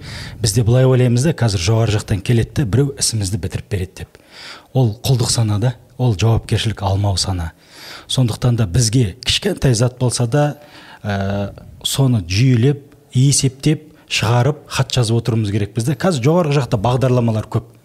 Ә, мысалы ә, тоқаев ә, мырза көп бағдарламалар енгізді халыққа деген. Просто халық білмейді оны сұрамайды оны жыламайды. Соны шығып заңды түрде сұрау керек. Андай эмоциямен мыналар жеп жатыр мыналар бүйтіп жатыр деп айту ол бір бөлек нәрсе. Ол просто эмоция. Сол адамды апарсаң жеп отқан адамға ештеме айта алмай қалады. Неге? Өйткені есеп жоқ. Қалай жеп жатыр қалай не істеп жатыр деген сияқты. Сондықтан мысалы бір асфальт па есептеп шығу керек. Мына асфальтқа жүз мың жүз миллион кетті дейді есептеу керек. Қанша миллион кетеді? отыз миллион кетеді мынау қанша кетеді мынау қанша сосын нақты сол заңды түрде барып сұрау керек. Сіздер мына жерде мынандай мынандай нәрсе істеуіңіз керек екенсіз. Болмапты. Біздің есебіміз міне. Эмоцияға салынбай айғайламай сауатты түрде жақындау сауатты түрде әр, әр қазақ сауатты түрде өзінің хаққысын сұраса олар береді. Мысалы сол жеп отқан адамды бүлдіріп отқан адамды қазір европаға апарыңызшы. Ой ол мықты кісі болып кетеді. Неге өйткені ол жақта халық сұрайды өзінің несін? Халық сұрап халық неткен жерде ол кәдімгі мықты управленец болып кетеді мықты жұмысын жасайды. Бері қарай алып келсең ол бұзылып кетуі мүмкін. Неге өйткені бізде халық сұрамайды? Халық сұрау керек. Жаңа да мәкең жақсы жақсы темалар қозғап жатыр. Мысалы элита қалыптаспаған деп. Менде де айтып отырмын да мысалы біздің элитаны алып тастады содан бері бізде элита жоқ. Яғни біреулердің қарап еліктеп солардан үйренетін нәрсесі жоқ. Бізде қазір бір жақсы бір екі өлең айтып жіберсе или жақсы бір бір екі блогер болса бәрі соны элита деп ойлайды. Мен шетелдерде көп жүремін анау бір телевизордан көрсететін бір мың мың жарым адам бар соны қазақстан деп ойлайды халық. Мен айтамын жоқ қазақстанда жиырма миллион адам бар. Мәкеңдер сияқты андай мындай адам бар элита қалыптасып келе жатыр ол қазақстан емес. Сондықтан сондай бір ә, элита қалыптастыру керек и халық өзінің жаңағындай хақысын заңды түрде айғайламай эмоцияға салынбай есепті түрде заңды түрде сұрап үйренсе мен ойлаймын жоғары жақ өзгереді деп. Өзгергенде ол хақысын береді. Өйткені жоғары жақ ол хақысын бәрін сызып беріп қойған ортадағылар ғой былай былай кетіп қалып жатырған соны сұрай білу керек. Алла разы болсын. Енді ұстаз зейнетақы мәселесі. Ә, жалпы зейнетақыға жиналған ақша біреуде бір миллион бар біреуде он миллион тіпті кейбіреулерде елу алпыс миллион бар. Осыдан зекет беріле ма берілмей ма? Бұл зейнетақы деген жалпы адамның өзінің еңбегінен бір еңбегінің бір бөлшегі ғой дұрыс па? Ә, зекеті бар ма осының жоқ па? Негізі ол егер зекет мысалы қазір бізде миллион үш жүз мың деп жатырмыз ғой сол ақшаға жетсе нисабы нисабы ә, енді алтынмен есептеп жатырмыз иә қазір біз. Егер соған жетсе онда оның зекетін беруіміз керек. Мысалы мен жұмыс істеймін там жасым 27-те 22 жастан жұмыс істеймін. Зейнетақы қорындағы ақшам 2 миллион. Ол 2 миллион болып бір күнде болған жоқ қой. Значит сол бір жыл бұрын жаңа миллион үш жүз болып қалды. Бір жыл өтті. Қазір екі миллион болды бір жылдан кейін. Сол екі миллионнан мен екі жарым пайыз ә, енді қырықтан бір бөлігін осы міскин жандарға ә, таратып беруім керек. Бірақ ол ақшаны мен берудің жолы қандай? Қазір мысалы мен бере алмаймын. Бірақ мен өзіме оны белгілеп алуым керек. Жыл сайын. ә, жыл сайын. Осыдан екі жарым пайыз мысалы екі жүз мың болса ол қанша болады? Төрт бес мың да. Сол бес мың мен беруім керек. Келесі жылы бес мың екі жүз сөйтіп бәрін санап жаңа ақша қолға жеткен кезде мен беруім керек. Қазір көп адамдар ақша алып жатыр ғой содан жаңа үй аламыз деп. Бірақ үкімет айтады он пайыз туристтер ндс сол сияқты нәрсе да. Ол ақшаға қол жеткіздіңіз ба? Содан жаңа екі жарым пайыз санаған ақшаңызды сіз беруіңіз керексіз. Иә жыл сайын. Иә. Егер бірақ оған мүмкіншілік әбден болмаса сол ақшаға қол жеткен кезде зейнетке келген кезде сол кезде барып бересіз есептеп шығасыз. Ол жаңа қарыз мәселесі ғой. Мысалы мен бір адамға қарыз берем. Мен оның жаңа кредитор боламын. Енді баланс жағынан қарағанда иә. Менде ол дебет та өйткені ол маған қарыз. Сондықтан ол маған плюсқа жатады мен содан налог төлеуім керек. Көрдіңіз ба сол сияқты. Бірақ ол қашан төлеймін? Ол балансқа түседі банкке түседі сол кезде мен төлеймін. Оған түспегенше мен төлемеймін немесе оның ертең күн не болып кетеді деп қорқып отырғанша қазір төлеп тастап ертең зейнетке барғанда сол ақшаны емін еркін пайдаланып отыратын ондай мүмкіншілік болса қазір беріп тастау керек. Әр жылда. Машалла баракалла. Алла разы болсын. Батыр аға егер құпия болмаса жылына қанша зекет шығарасыз? Айта аласыз ба әр кезде әрқалай әр кезде әрқалай где то бір ә, енді біздің зекеттен бөлек мысалы ай сайын ә, түскен товардан мысалы бізде валовый прибыль дейді ғой. Мысалы жүз теңгеге алдым жүз елу теңгеге саттым. Ол валовый прибыль. Ешқандай расход қосылмай тұр біз содан он процент шығарып қойғанбыз он процент сразу садақаға кетеді. Ол садақа ниетімен. Садақа ниетімен ә, ең бірінші прибыліміз біздің садақаға кетеді. Сондықтан енді оны бүйтіп отырып санап шығу керек қанша болып жатыр не болып жатыр. Ә, ол ол жерде жақсы прибыль бар. Егер де бәрін қоссаң үлкен ақша бар. Жоқ садақа мен зекет екеуі екі түрлі ұғым ғой. Себебі садақа деп шығарсаңыз ол зекет мойныңыздан түспейді да қалады да ол. Иә зекетке беріліп жатырған ақша где то бір ә, мен екі мың оннан бастап зекет беріп бастадым. 2010-да бір 2 миллион сондай шығып жүрді екі екі жарым миллион. Ну, бес миллионға дейін шығады. Әр қалай әр жыл әр қалай біз қалай береміз? Мысалы ә, көп неге түстік? Мысалы менің қолымда бір миллион доллар тұрды ә, доллар көтеріліп кеткен кезде ал теңгелей тұрды да мен таңертең төлеймін деп отқанда қолымдағы бір миллион ақшам бес жүз мың теңге болып қалды мысалы доллар ауысқан кезде бір күнде. Иә квартираларды бердік машиналарды бердік бәрін бердік. Сол сияқты көп орта жолда нелерге түстік та дағдарыстарға түстік нелерге түстік. Аллаға шүкір енді ешкімді ренжіткен жоқпыз. Ешкім бір ә, кредиторларымыздың ақысын жеп қойған жоқпыз бәрі жақсы. Солай әр қалай әр жыл әр қалай бір бес миллион беретін жылдар болады алты жеті миллион беретін жылдар болады екі миллион беріп қалатын жылдар болады. Сол жылдың соңында мен ә, ревизия жасап шығамын қанша товар тұр қарыздарымды есептеймін мен кімге қарыз бәрін минусовать плюсовать етемін да екі жарым процентін беремін. Әр қалай қазір енді оны оны біз жыл сайын шығарып беріп тастайтынбыз постоянно. Содан кейін мен бір ә, көрінбейді да бересің адамға квартирасын анаусына мынаусына деп бөліп қоясың беріп шығасың ертесіне қайтадан квартирамнан қояйын деп жатыр дейді. Содан кейін біздер не істедік? Зе- зекеттің ақшасын алдық та жер сатып алдық. И сол жерге үлкен жерге сапалы етіп жақсы етіп бір он пәтер салып жатырмыз қазір алла бұйырса. И сол жерге жаңағы стиральный машина мебельный дейін бәрін сапалы етіп салып берейін деп. И сосын жаңағы бір талаптарға сай қылып сол жерге ә, жаңағы семьяларды отбасыларды кіргізсек деп отырмыз. И сөйтіп он семья содан кейін жайлап жүз семья бес жүз семья. Енді мақсат үлкен бізде. Мақсат үлкен. Целый бір қала салып тастайтын мақсатымыз бар енді алла бұйырса. Алла разы болсын. Иә пайғамбарымыз айтады ғой енді жәннат сұраған кезде фирдаус сұраңдар деп. Ана шетінен бір жәннат бере қойшы деп сұрамаймыз ғой. Сол сияқты бұл өмірде де үлкен мақсат қойып тастадық қала салайық жер сұрасаң не береді деп.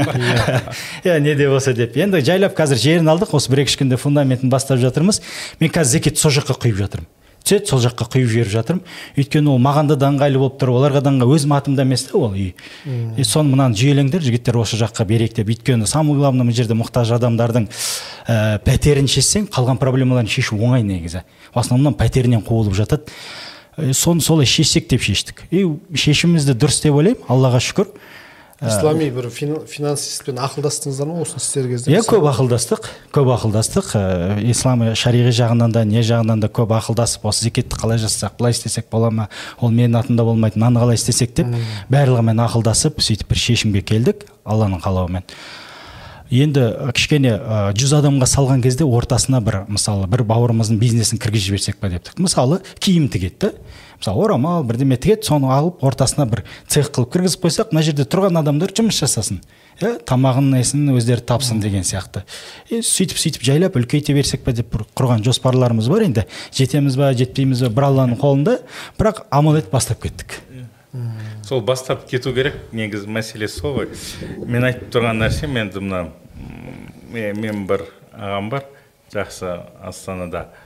Өзі ядерный физик та физиканы сосын ну қазір бизнес саласында тоже ол проекттер жүргізеді консалтингпен айналысады сосын бір сөйлескенде мен айттым мен уже шаршадым енді. Ә, баяғыда пайғамбарлар айтқан ғой біз шаршадық уже мыналар құлақ аспайды. Сосын айтты мәке жалпы мына су қатқан кезде негізі бірден қатып қалмайды ғой тарс етіп. Бірінші кристалл пайда болады біреу қатады бір молекула сосын ол қатқан кезде қасындағы молекуласы қатады. Сөйтіп сөйтіп не су қатады. Сондықтан біз қазір бір продукт шығарсақ жаңа ағамыз айтып отыр иә. бір үй салсақ ол үй артынан микрорайон болып кетуі мүмкін. Сондықтан біз бір сол кристаллды шығарып терлесек те тепшіп әйтеуір қиналсақ та соны шығарып алуымыз керек та. Мысалы басында мынау қазір 2021 иә. 2010 он бірде азан kz мешіт kz болып сайт иә бірінші ашылғанда. Мен орталық мешітте істедім. Негізі содан бастадық. Мен оқып келгеннен кейін бірінші жұмысты. Мына абу ханифа медресесінде орталық мешітте. Сонда екі ақ адам жұмыс істейтінбіз. Кейін ол сайт кәдімгі портал болып кетті. Тек қана қазақстанда емес басқа жерде танымал. Сосын басқа мешіттер оған тартыла бастады. Астанаға мен алып кетті сол жерде жаңа мына муслим kzті аяққа тұрғызу керек деп. Мына жерге там михраб ашылып жатыр ана жақтан басқа жобалар. Біреу бастаса қалғандары қоштап кетеді. Сондықтан біз тек қана мындай иман жағын бір айтамыз бірақ мына бизнес жағында қалдырмауымыз керек. Неге мұсылмандардың бәрі кедей емес? Байқадыңыз ба иә? Мен осы мәселені көп ойландым и неге бәрі бай емес? Иә. Иә сол тепе тең. Мысалы пайғамбарымыз саллаллаху алейhi заманында мединаға барсаңыз қазір бирурума дейді иә? Ішетін су жоқ. Бір құдық бар и то бір еврей да оның басшысы. Сосын пайғамбарымыз саллаллаху алейhi не дейді? Мынаны сатып алса жәннат болды. Иә. Иә. Сосын бүкіл ақшасын енді осман радиаллаху анху беріп сол құдықты сатып алады. Бірінші жартысын иә бір күн келіп мұсылмандар алады бір күн алай сосын бәрін сатып алады. Көрдіңіз ба оны сатып алатын ақша бес теңгеге сатқан жоқ. Онда қыруар ақша салды. Значит османның ақшасы бар. Абу бәкірдің ақшасы бар. Олар көзін білген ақшаның көзін. Олар мединаға келіп алып қайыр сұраған жоқ. Олар айтты базар қайда? Базарды көрсетіңдер. Болды. Сол жерге барды сауда жасап артынан көтеріліп кетті. И сол сияқты жаңа бизнес элитада ол 5-6 процент бізде мультимиллиардер болуы мүмкін там триллионер болуы мүмкін. Бірақ қарапайым халыққа тепе теңдік қалай ұсталады? Сол бай адамдар осы кедей адамдарға не істеу керек? Көмектесу керек. Тек қана садақа зекет емес жаңағы бизнес жағынан көмектесу керек жаңа базарын көрсетіп жіберу керек та былайша айтқан кезде құралын көрсету керек. Қазір мысалы мотиваторлар көп мен көремін да бірақ өзінен сұрасаң өзінің реальный бизнесі жоқ. Жүз адамға ақыл айтады өзі иә бірақ өзінің бизнесі жоқ. Иә. Сосын мен көке сен өзің бірінші бизнесті бар қара жүйені иә. Бізде енді ақыл айту оңай ғой. Э, анау мүсірепов ағамыз айтқан ғой әр қазақ екі ақыл айтады иә біреуге кем дегенде соның біреуін өзі істесе баяғыда ұлт болып кетер едік иә. Иә сверхнация бірақ оны істемейміз. Көрдіңіз ба? Сондықтан мен енді шетелде жүрдік оқыдық көп нәрсе көресің ғой. Алла тағала айтқан ғой фасиру жүріңдер көріңдер. И сол жерде жаңағы мен индус пакистандардың мақтап жатқан нәрсем сол. Олар бір жерге барады комьюнити. Сол саримен жүреді лондонда да нью йоркта да. Сол сәлдемен жүреді өздерінің жаңағы шалбарлары бар. Олар өзіні жаңағы ассимиляцияға толық түсіп кетпейді да өзінің ұлттық мәдениетіне барады ал бізде қырғыз мына өзбек бауырларымыз айтады ғой орыс болсаң қазақ бол дейді бірінші. Қазақтың бетін тырнасаң там басқа нәрсе шығады деп. Еліктегіш халықпыз ғой біз. Иә ол да мысалы дұрыс шығар бір жағынан. Бірақ біз өзіміздің ұлттық жаңағы мәдениетімізді болмысымызды сақтап мысалы жетімін қаңғыртпаған деген жалпы философия мынау амеңгерлік институт деген нәрсе үлкен күрделі мәселелер ғой. Не үшін мен өзімнің руымда бауырымның баласын қаңғыртып жіберуім керек? Сол жауапкершілік ең бірінші мәселе. Екінші мәселе ол әйел баласымен барғанда қайда барады? Ертең біреудің қолында кетіп жаңағы басқа жерге кетіп қалу қауіп бар ғой. Арандатушылық қой былайынша айтқан кезде ол. Ол соның бәрін зерделеп зерделеп келген нәрсесі барлық сүзбектен өтіп қаймағы сол. Жетімін қаңғыртпаймыз болды. Өлсең тірілсең де ұстап отырасың. Көрдіңіз ба? Сол нәрсені біз қазір қолға алуымыз керек. Мына жетімдер қазір мысалы айтады отбасылар құрылады біз мешітте некесін қиып береміз бір жылдан кейін жетіп келеді біз ажырасып жатырмыз. И не болды. Енеммен тұра алмай жатырмын үйте алмай жатырмын енді саған айтқан жоқ қой сендер үйленсеңдер жаннатул фердаус болады деп. Ешкім айтқан жоқ қой мешітте дұрыс па? Yeah. ол да қиындық ол да өзінше шыдау керек. Сол ақыл айтатын енелер жоқ қой құдай сақтасын көрдіңіз ба? И кетсең кете бер анау шешесі айтса кетсін кел. Өзіміз адам боламыз өзіміз көтереміз баланы болды көрдіңіз ба? Сондықтан сол нәрселер шашылып жатыр да тардай ұлтымыз. Соны біз мына иманға келген адамдар сол жауапкершілікті сезініп біз бәрін жинауымыз керек. Өйткені қазір істемесек ертең үлкен ол трагедия болады. Біз ұлттық болмысымыздан ажырасақ элита кетті болмыс кетті онда дымсыз қаламыз. Қазір не дейді ғой жаңағы инда американцы дейді ғой мына индеецтер негізі ұлт сол жердегі халық солардың жері сол. Бірақ олар сол жерде музейный экспонат та туристерге көрсетеді. Мына резервацияда тұрып жатқан индейецтер атың қандай? Менің атым жорж сенің атың қандай? Менің атым мария да. И сен бұрын қалай еді анау бірдеңкенің жебесі бірдеңкенің тырнағы бірдеңкенің аттары жоқ. Ұлттық ұлттық болмысын олар не? Жоғалтып алған. Сондай біз ұлттық болмысымызды жоғалатын қазір үлкен не дейді енді перепуть дейді ғой орысша иә? Жарқабақтың алдында тұрмыз. Сол жерден аман есен өтуді ойластыруымыз керек. Алла разы болсын ұстаз. Міне. Аз отырмаппыз мына екі сағатқа жуық отырыппыз альхамдулилля зымырап өтіп кетті. Ә, уақыт деген тақырыптың қызық болғандығы соншалықты. Жылдам өтіп кетті. Ә, отырысымызды өзіңізге соңғы сұрақпенен тәмамдасақ ә, батыр аға табыстың көптігі маңызды ма әлде берекелі болғаны маңызды ма? Және де қалай аз табу арқылы көп нәтижеге қол жеткізуге болады. Машалла өте жақсы сұрақ.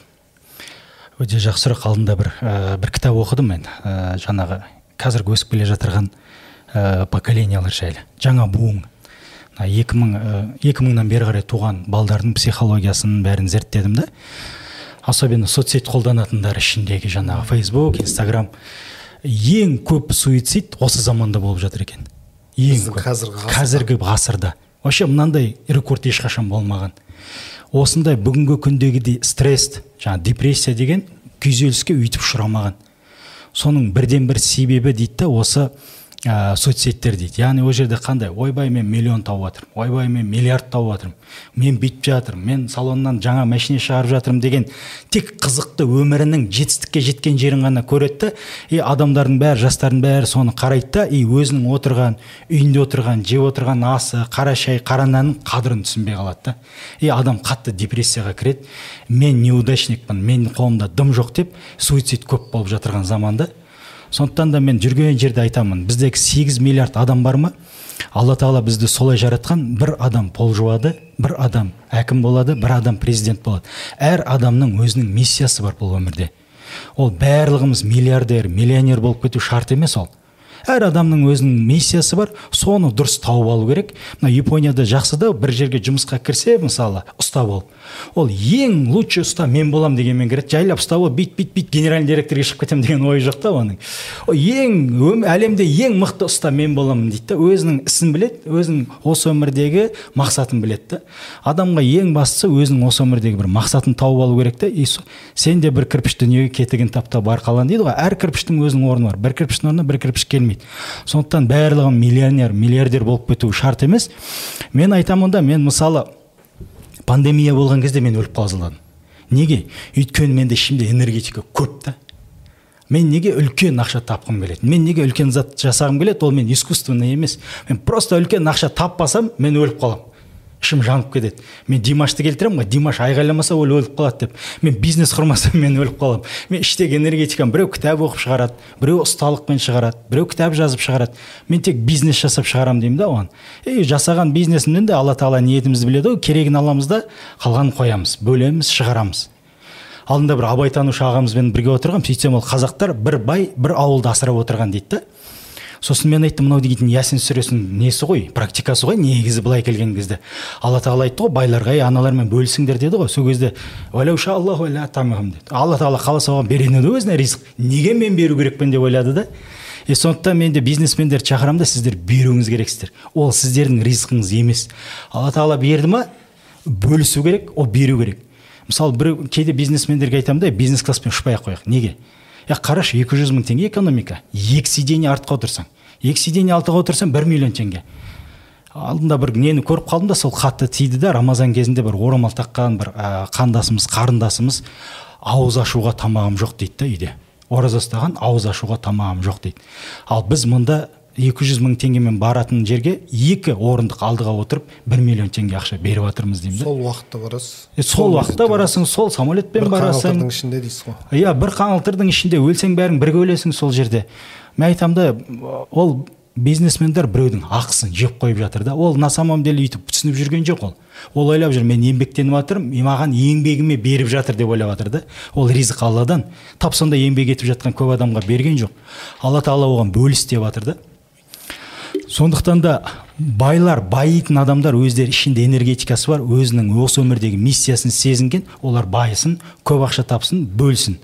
Егер де онда энергетика болмаса стресске түспей байымай ақ сол қара нан мен қара шайын ішіп бақытты болып үйінде отыра берсін берекесін кіргізіп. Сол затта ол, ол адамдар үшін береке бар. Сондықтан әр адам өзінің анау скульптура дейді ғой бүйтіп бүйтіп анау. Жайлап жонып отырып керек емес заттарды алып бір бір ой өрнек шығарамыз ғой. Сол сияқты әрбір адамның осы дүниеге келген кезде өзінің бір миссиясы бар ғой. Соны жайлап мынау маған керек мынау маған қиын мынау маған жеңіл мынау маған оңай деп отырса өзінің бір бейімін шығарып алады да адам. Өзінің тән өзінің былай айтқандай орысша айтқанда енді предназначение дейміз ғой. Соны шығарып алады. Әрбір адам осыны өзінің неге келгенін не істеу керек екенін түсініп алса ол сто процент онікі дұрыс деген әңгіме емес оның өзінің пікірі ол. Өзінің ойы өзінің өмірі. Дұрыс та болмауы мүмкін. Бірақ ол өзінікі. Осы затты ұстанса әрбір адам осы затын дұрыс өмірінде қолданса ол стресске де түспейді уайымға да түспейді и берілген аз ақшасында береке болады. А біреудің ойып алған ойы мүмкін миллиард шығар. Мысалы менде не, бірнеше жүз мың миллиард мысалы мақсат қойып отырмын да қазір. Ә, мысалы жаңағы нелер сияқты. IPO-ға кіремін деп осындай осындай үлкен құрамын деп. Ол менің өзім миссиям. Мен олай оны істемесем мен бақытсыз сезінемін. Бір адамдар олай істеу үшін бір стресске түсіп кетеді семьясын қарамай кетеді туыс туысқандармен қарым қатынасын үзіп кетеді. Ол саудада береке жоқ. Анау бизнес жүйелеуге де кейбір адамдар келіп жатады да бизнесімді жүйелеп берші дейді да маған. Ол ойлайды ол бизнесі жүйеленбей жатыр деп. Оның ата анасымен қарым қатынасы дұрыс емес. Оның әйелімен қарым қатынасы дұрыс емес. Оның баласымен қарым қатынасы дұрыс емес та мен сосын айтамын америкада осындай бір компания бар. Осы жерде есіктің алдында екі психолог тұрады. Үш мың адам жұмыс жасап жатса простой бір пол жуушы келсе настроениесі дұрыс болмаса сразу сол жерден уақыт береді екен. Үш сағат береміз анау паркке бар секір ойна настроениеңді көтеріп кел сосын кіргіземіз. Настроениең көтеріп келмесең сені кіргізбейміз бұл жерге. Сол настроениесін көтеріп келсе үш ай үш күн үш сағаттан кейін кіргізеді. Көтере алмаса сол күні выходной. Неге өйткені бір адам настроениесі болмай компанияға кірсе ол коронавирус сияқты барлығына жұғатынын біледі да олар. Енді сіз мына жерде қараңыз. Біздегілердің біразының настроениесі жоқ дейсіз основателі главный мотиваторы сол бизнестің беті жүзі жүрегі семьясы быт ата анасының разылығы жоқ. Маған бизнесімді жүйелеп берші дейді да ол қалай жүйеленеді? Ол сосын сол ар жағынан бастайсың да келтіресің содан кейін барып түсінеді. Мысалы пайғамбарымыз айтады да егер ризқың көбеюін қаласаң ұрыс қарым қатынас туысқандық қарым қатынас үзбей дейді да а ол туысқандармен вообще хабарласпайды еще масштабирование жасағысы келеді да. Масштабирование дейтін ол туысқандық қарым қатынастан басталады деп тұр да ар жағында пайғамбарымыз. Сондай сондай мәселе иншалла. Менің түсінігім бойынша әр адам өзінің мақсатын түсіну керек. Біреу аз ақшамен өтіп кету керек болса ең бастысы иман ғой бізде. Ә, көп ә, жәннатта көп болатын адамдар кедей адамдар ғой негізі. Ә, сондықтан да ол адам өз өзін бақытты сезінбеу керек стресске түспеу керек. Егер де үлкен ақша онікі емес болса үлкен ақша жасау жолында бір стресске семьясының ақысын бере алмайтын болып жатса ол адамға керек емес. аз ақшамен қанағат тұтса ол адам өте бай адам. И байдан бірінші жәннатқа түсетін адам. А кейбір адам бар мысалы абдрахман ибн мысалы да бес рет бүткіл бизнесін бес рет таратып тастады да бес рет қайтып келді да. Ол ол, ол кісінің өзінің предназначениесі да. Сондай адамдар үлкен ақша жасасын садақасын берсін бөліссін менің Алла ойым осындай. алла разы болсын аға. Алла разы болсын ұстаз. Алтын уақыттарыңызды бөліп сонау алыстан ат терлетіп келіп отырсыздар. Ә, осымен сұхбатымыз тәмам иншалла сіздермен тек қана жақсы күндерде жақсы жерлерде жолыққанша.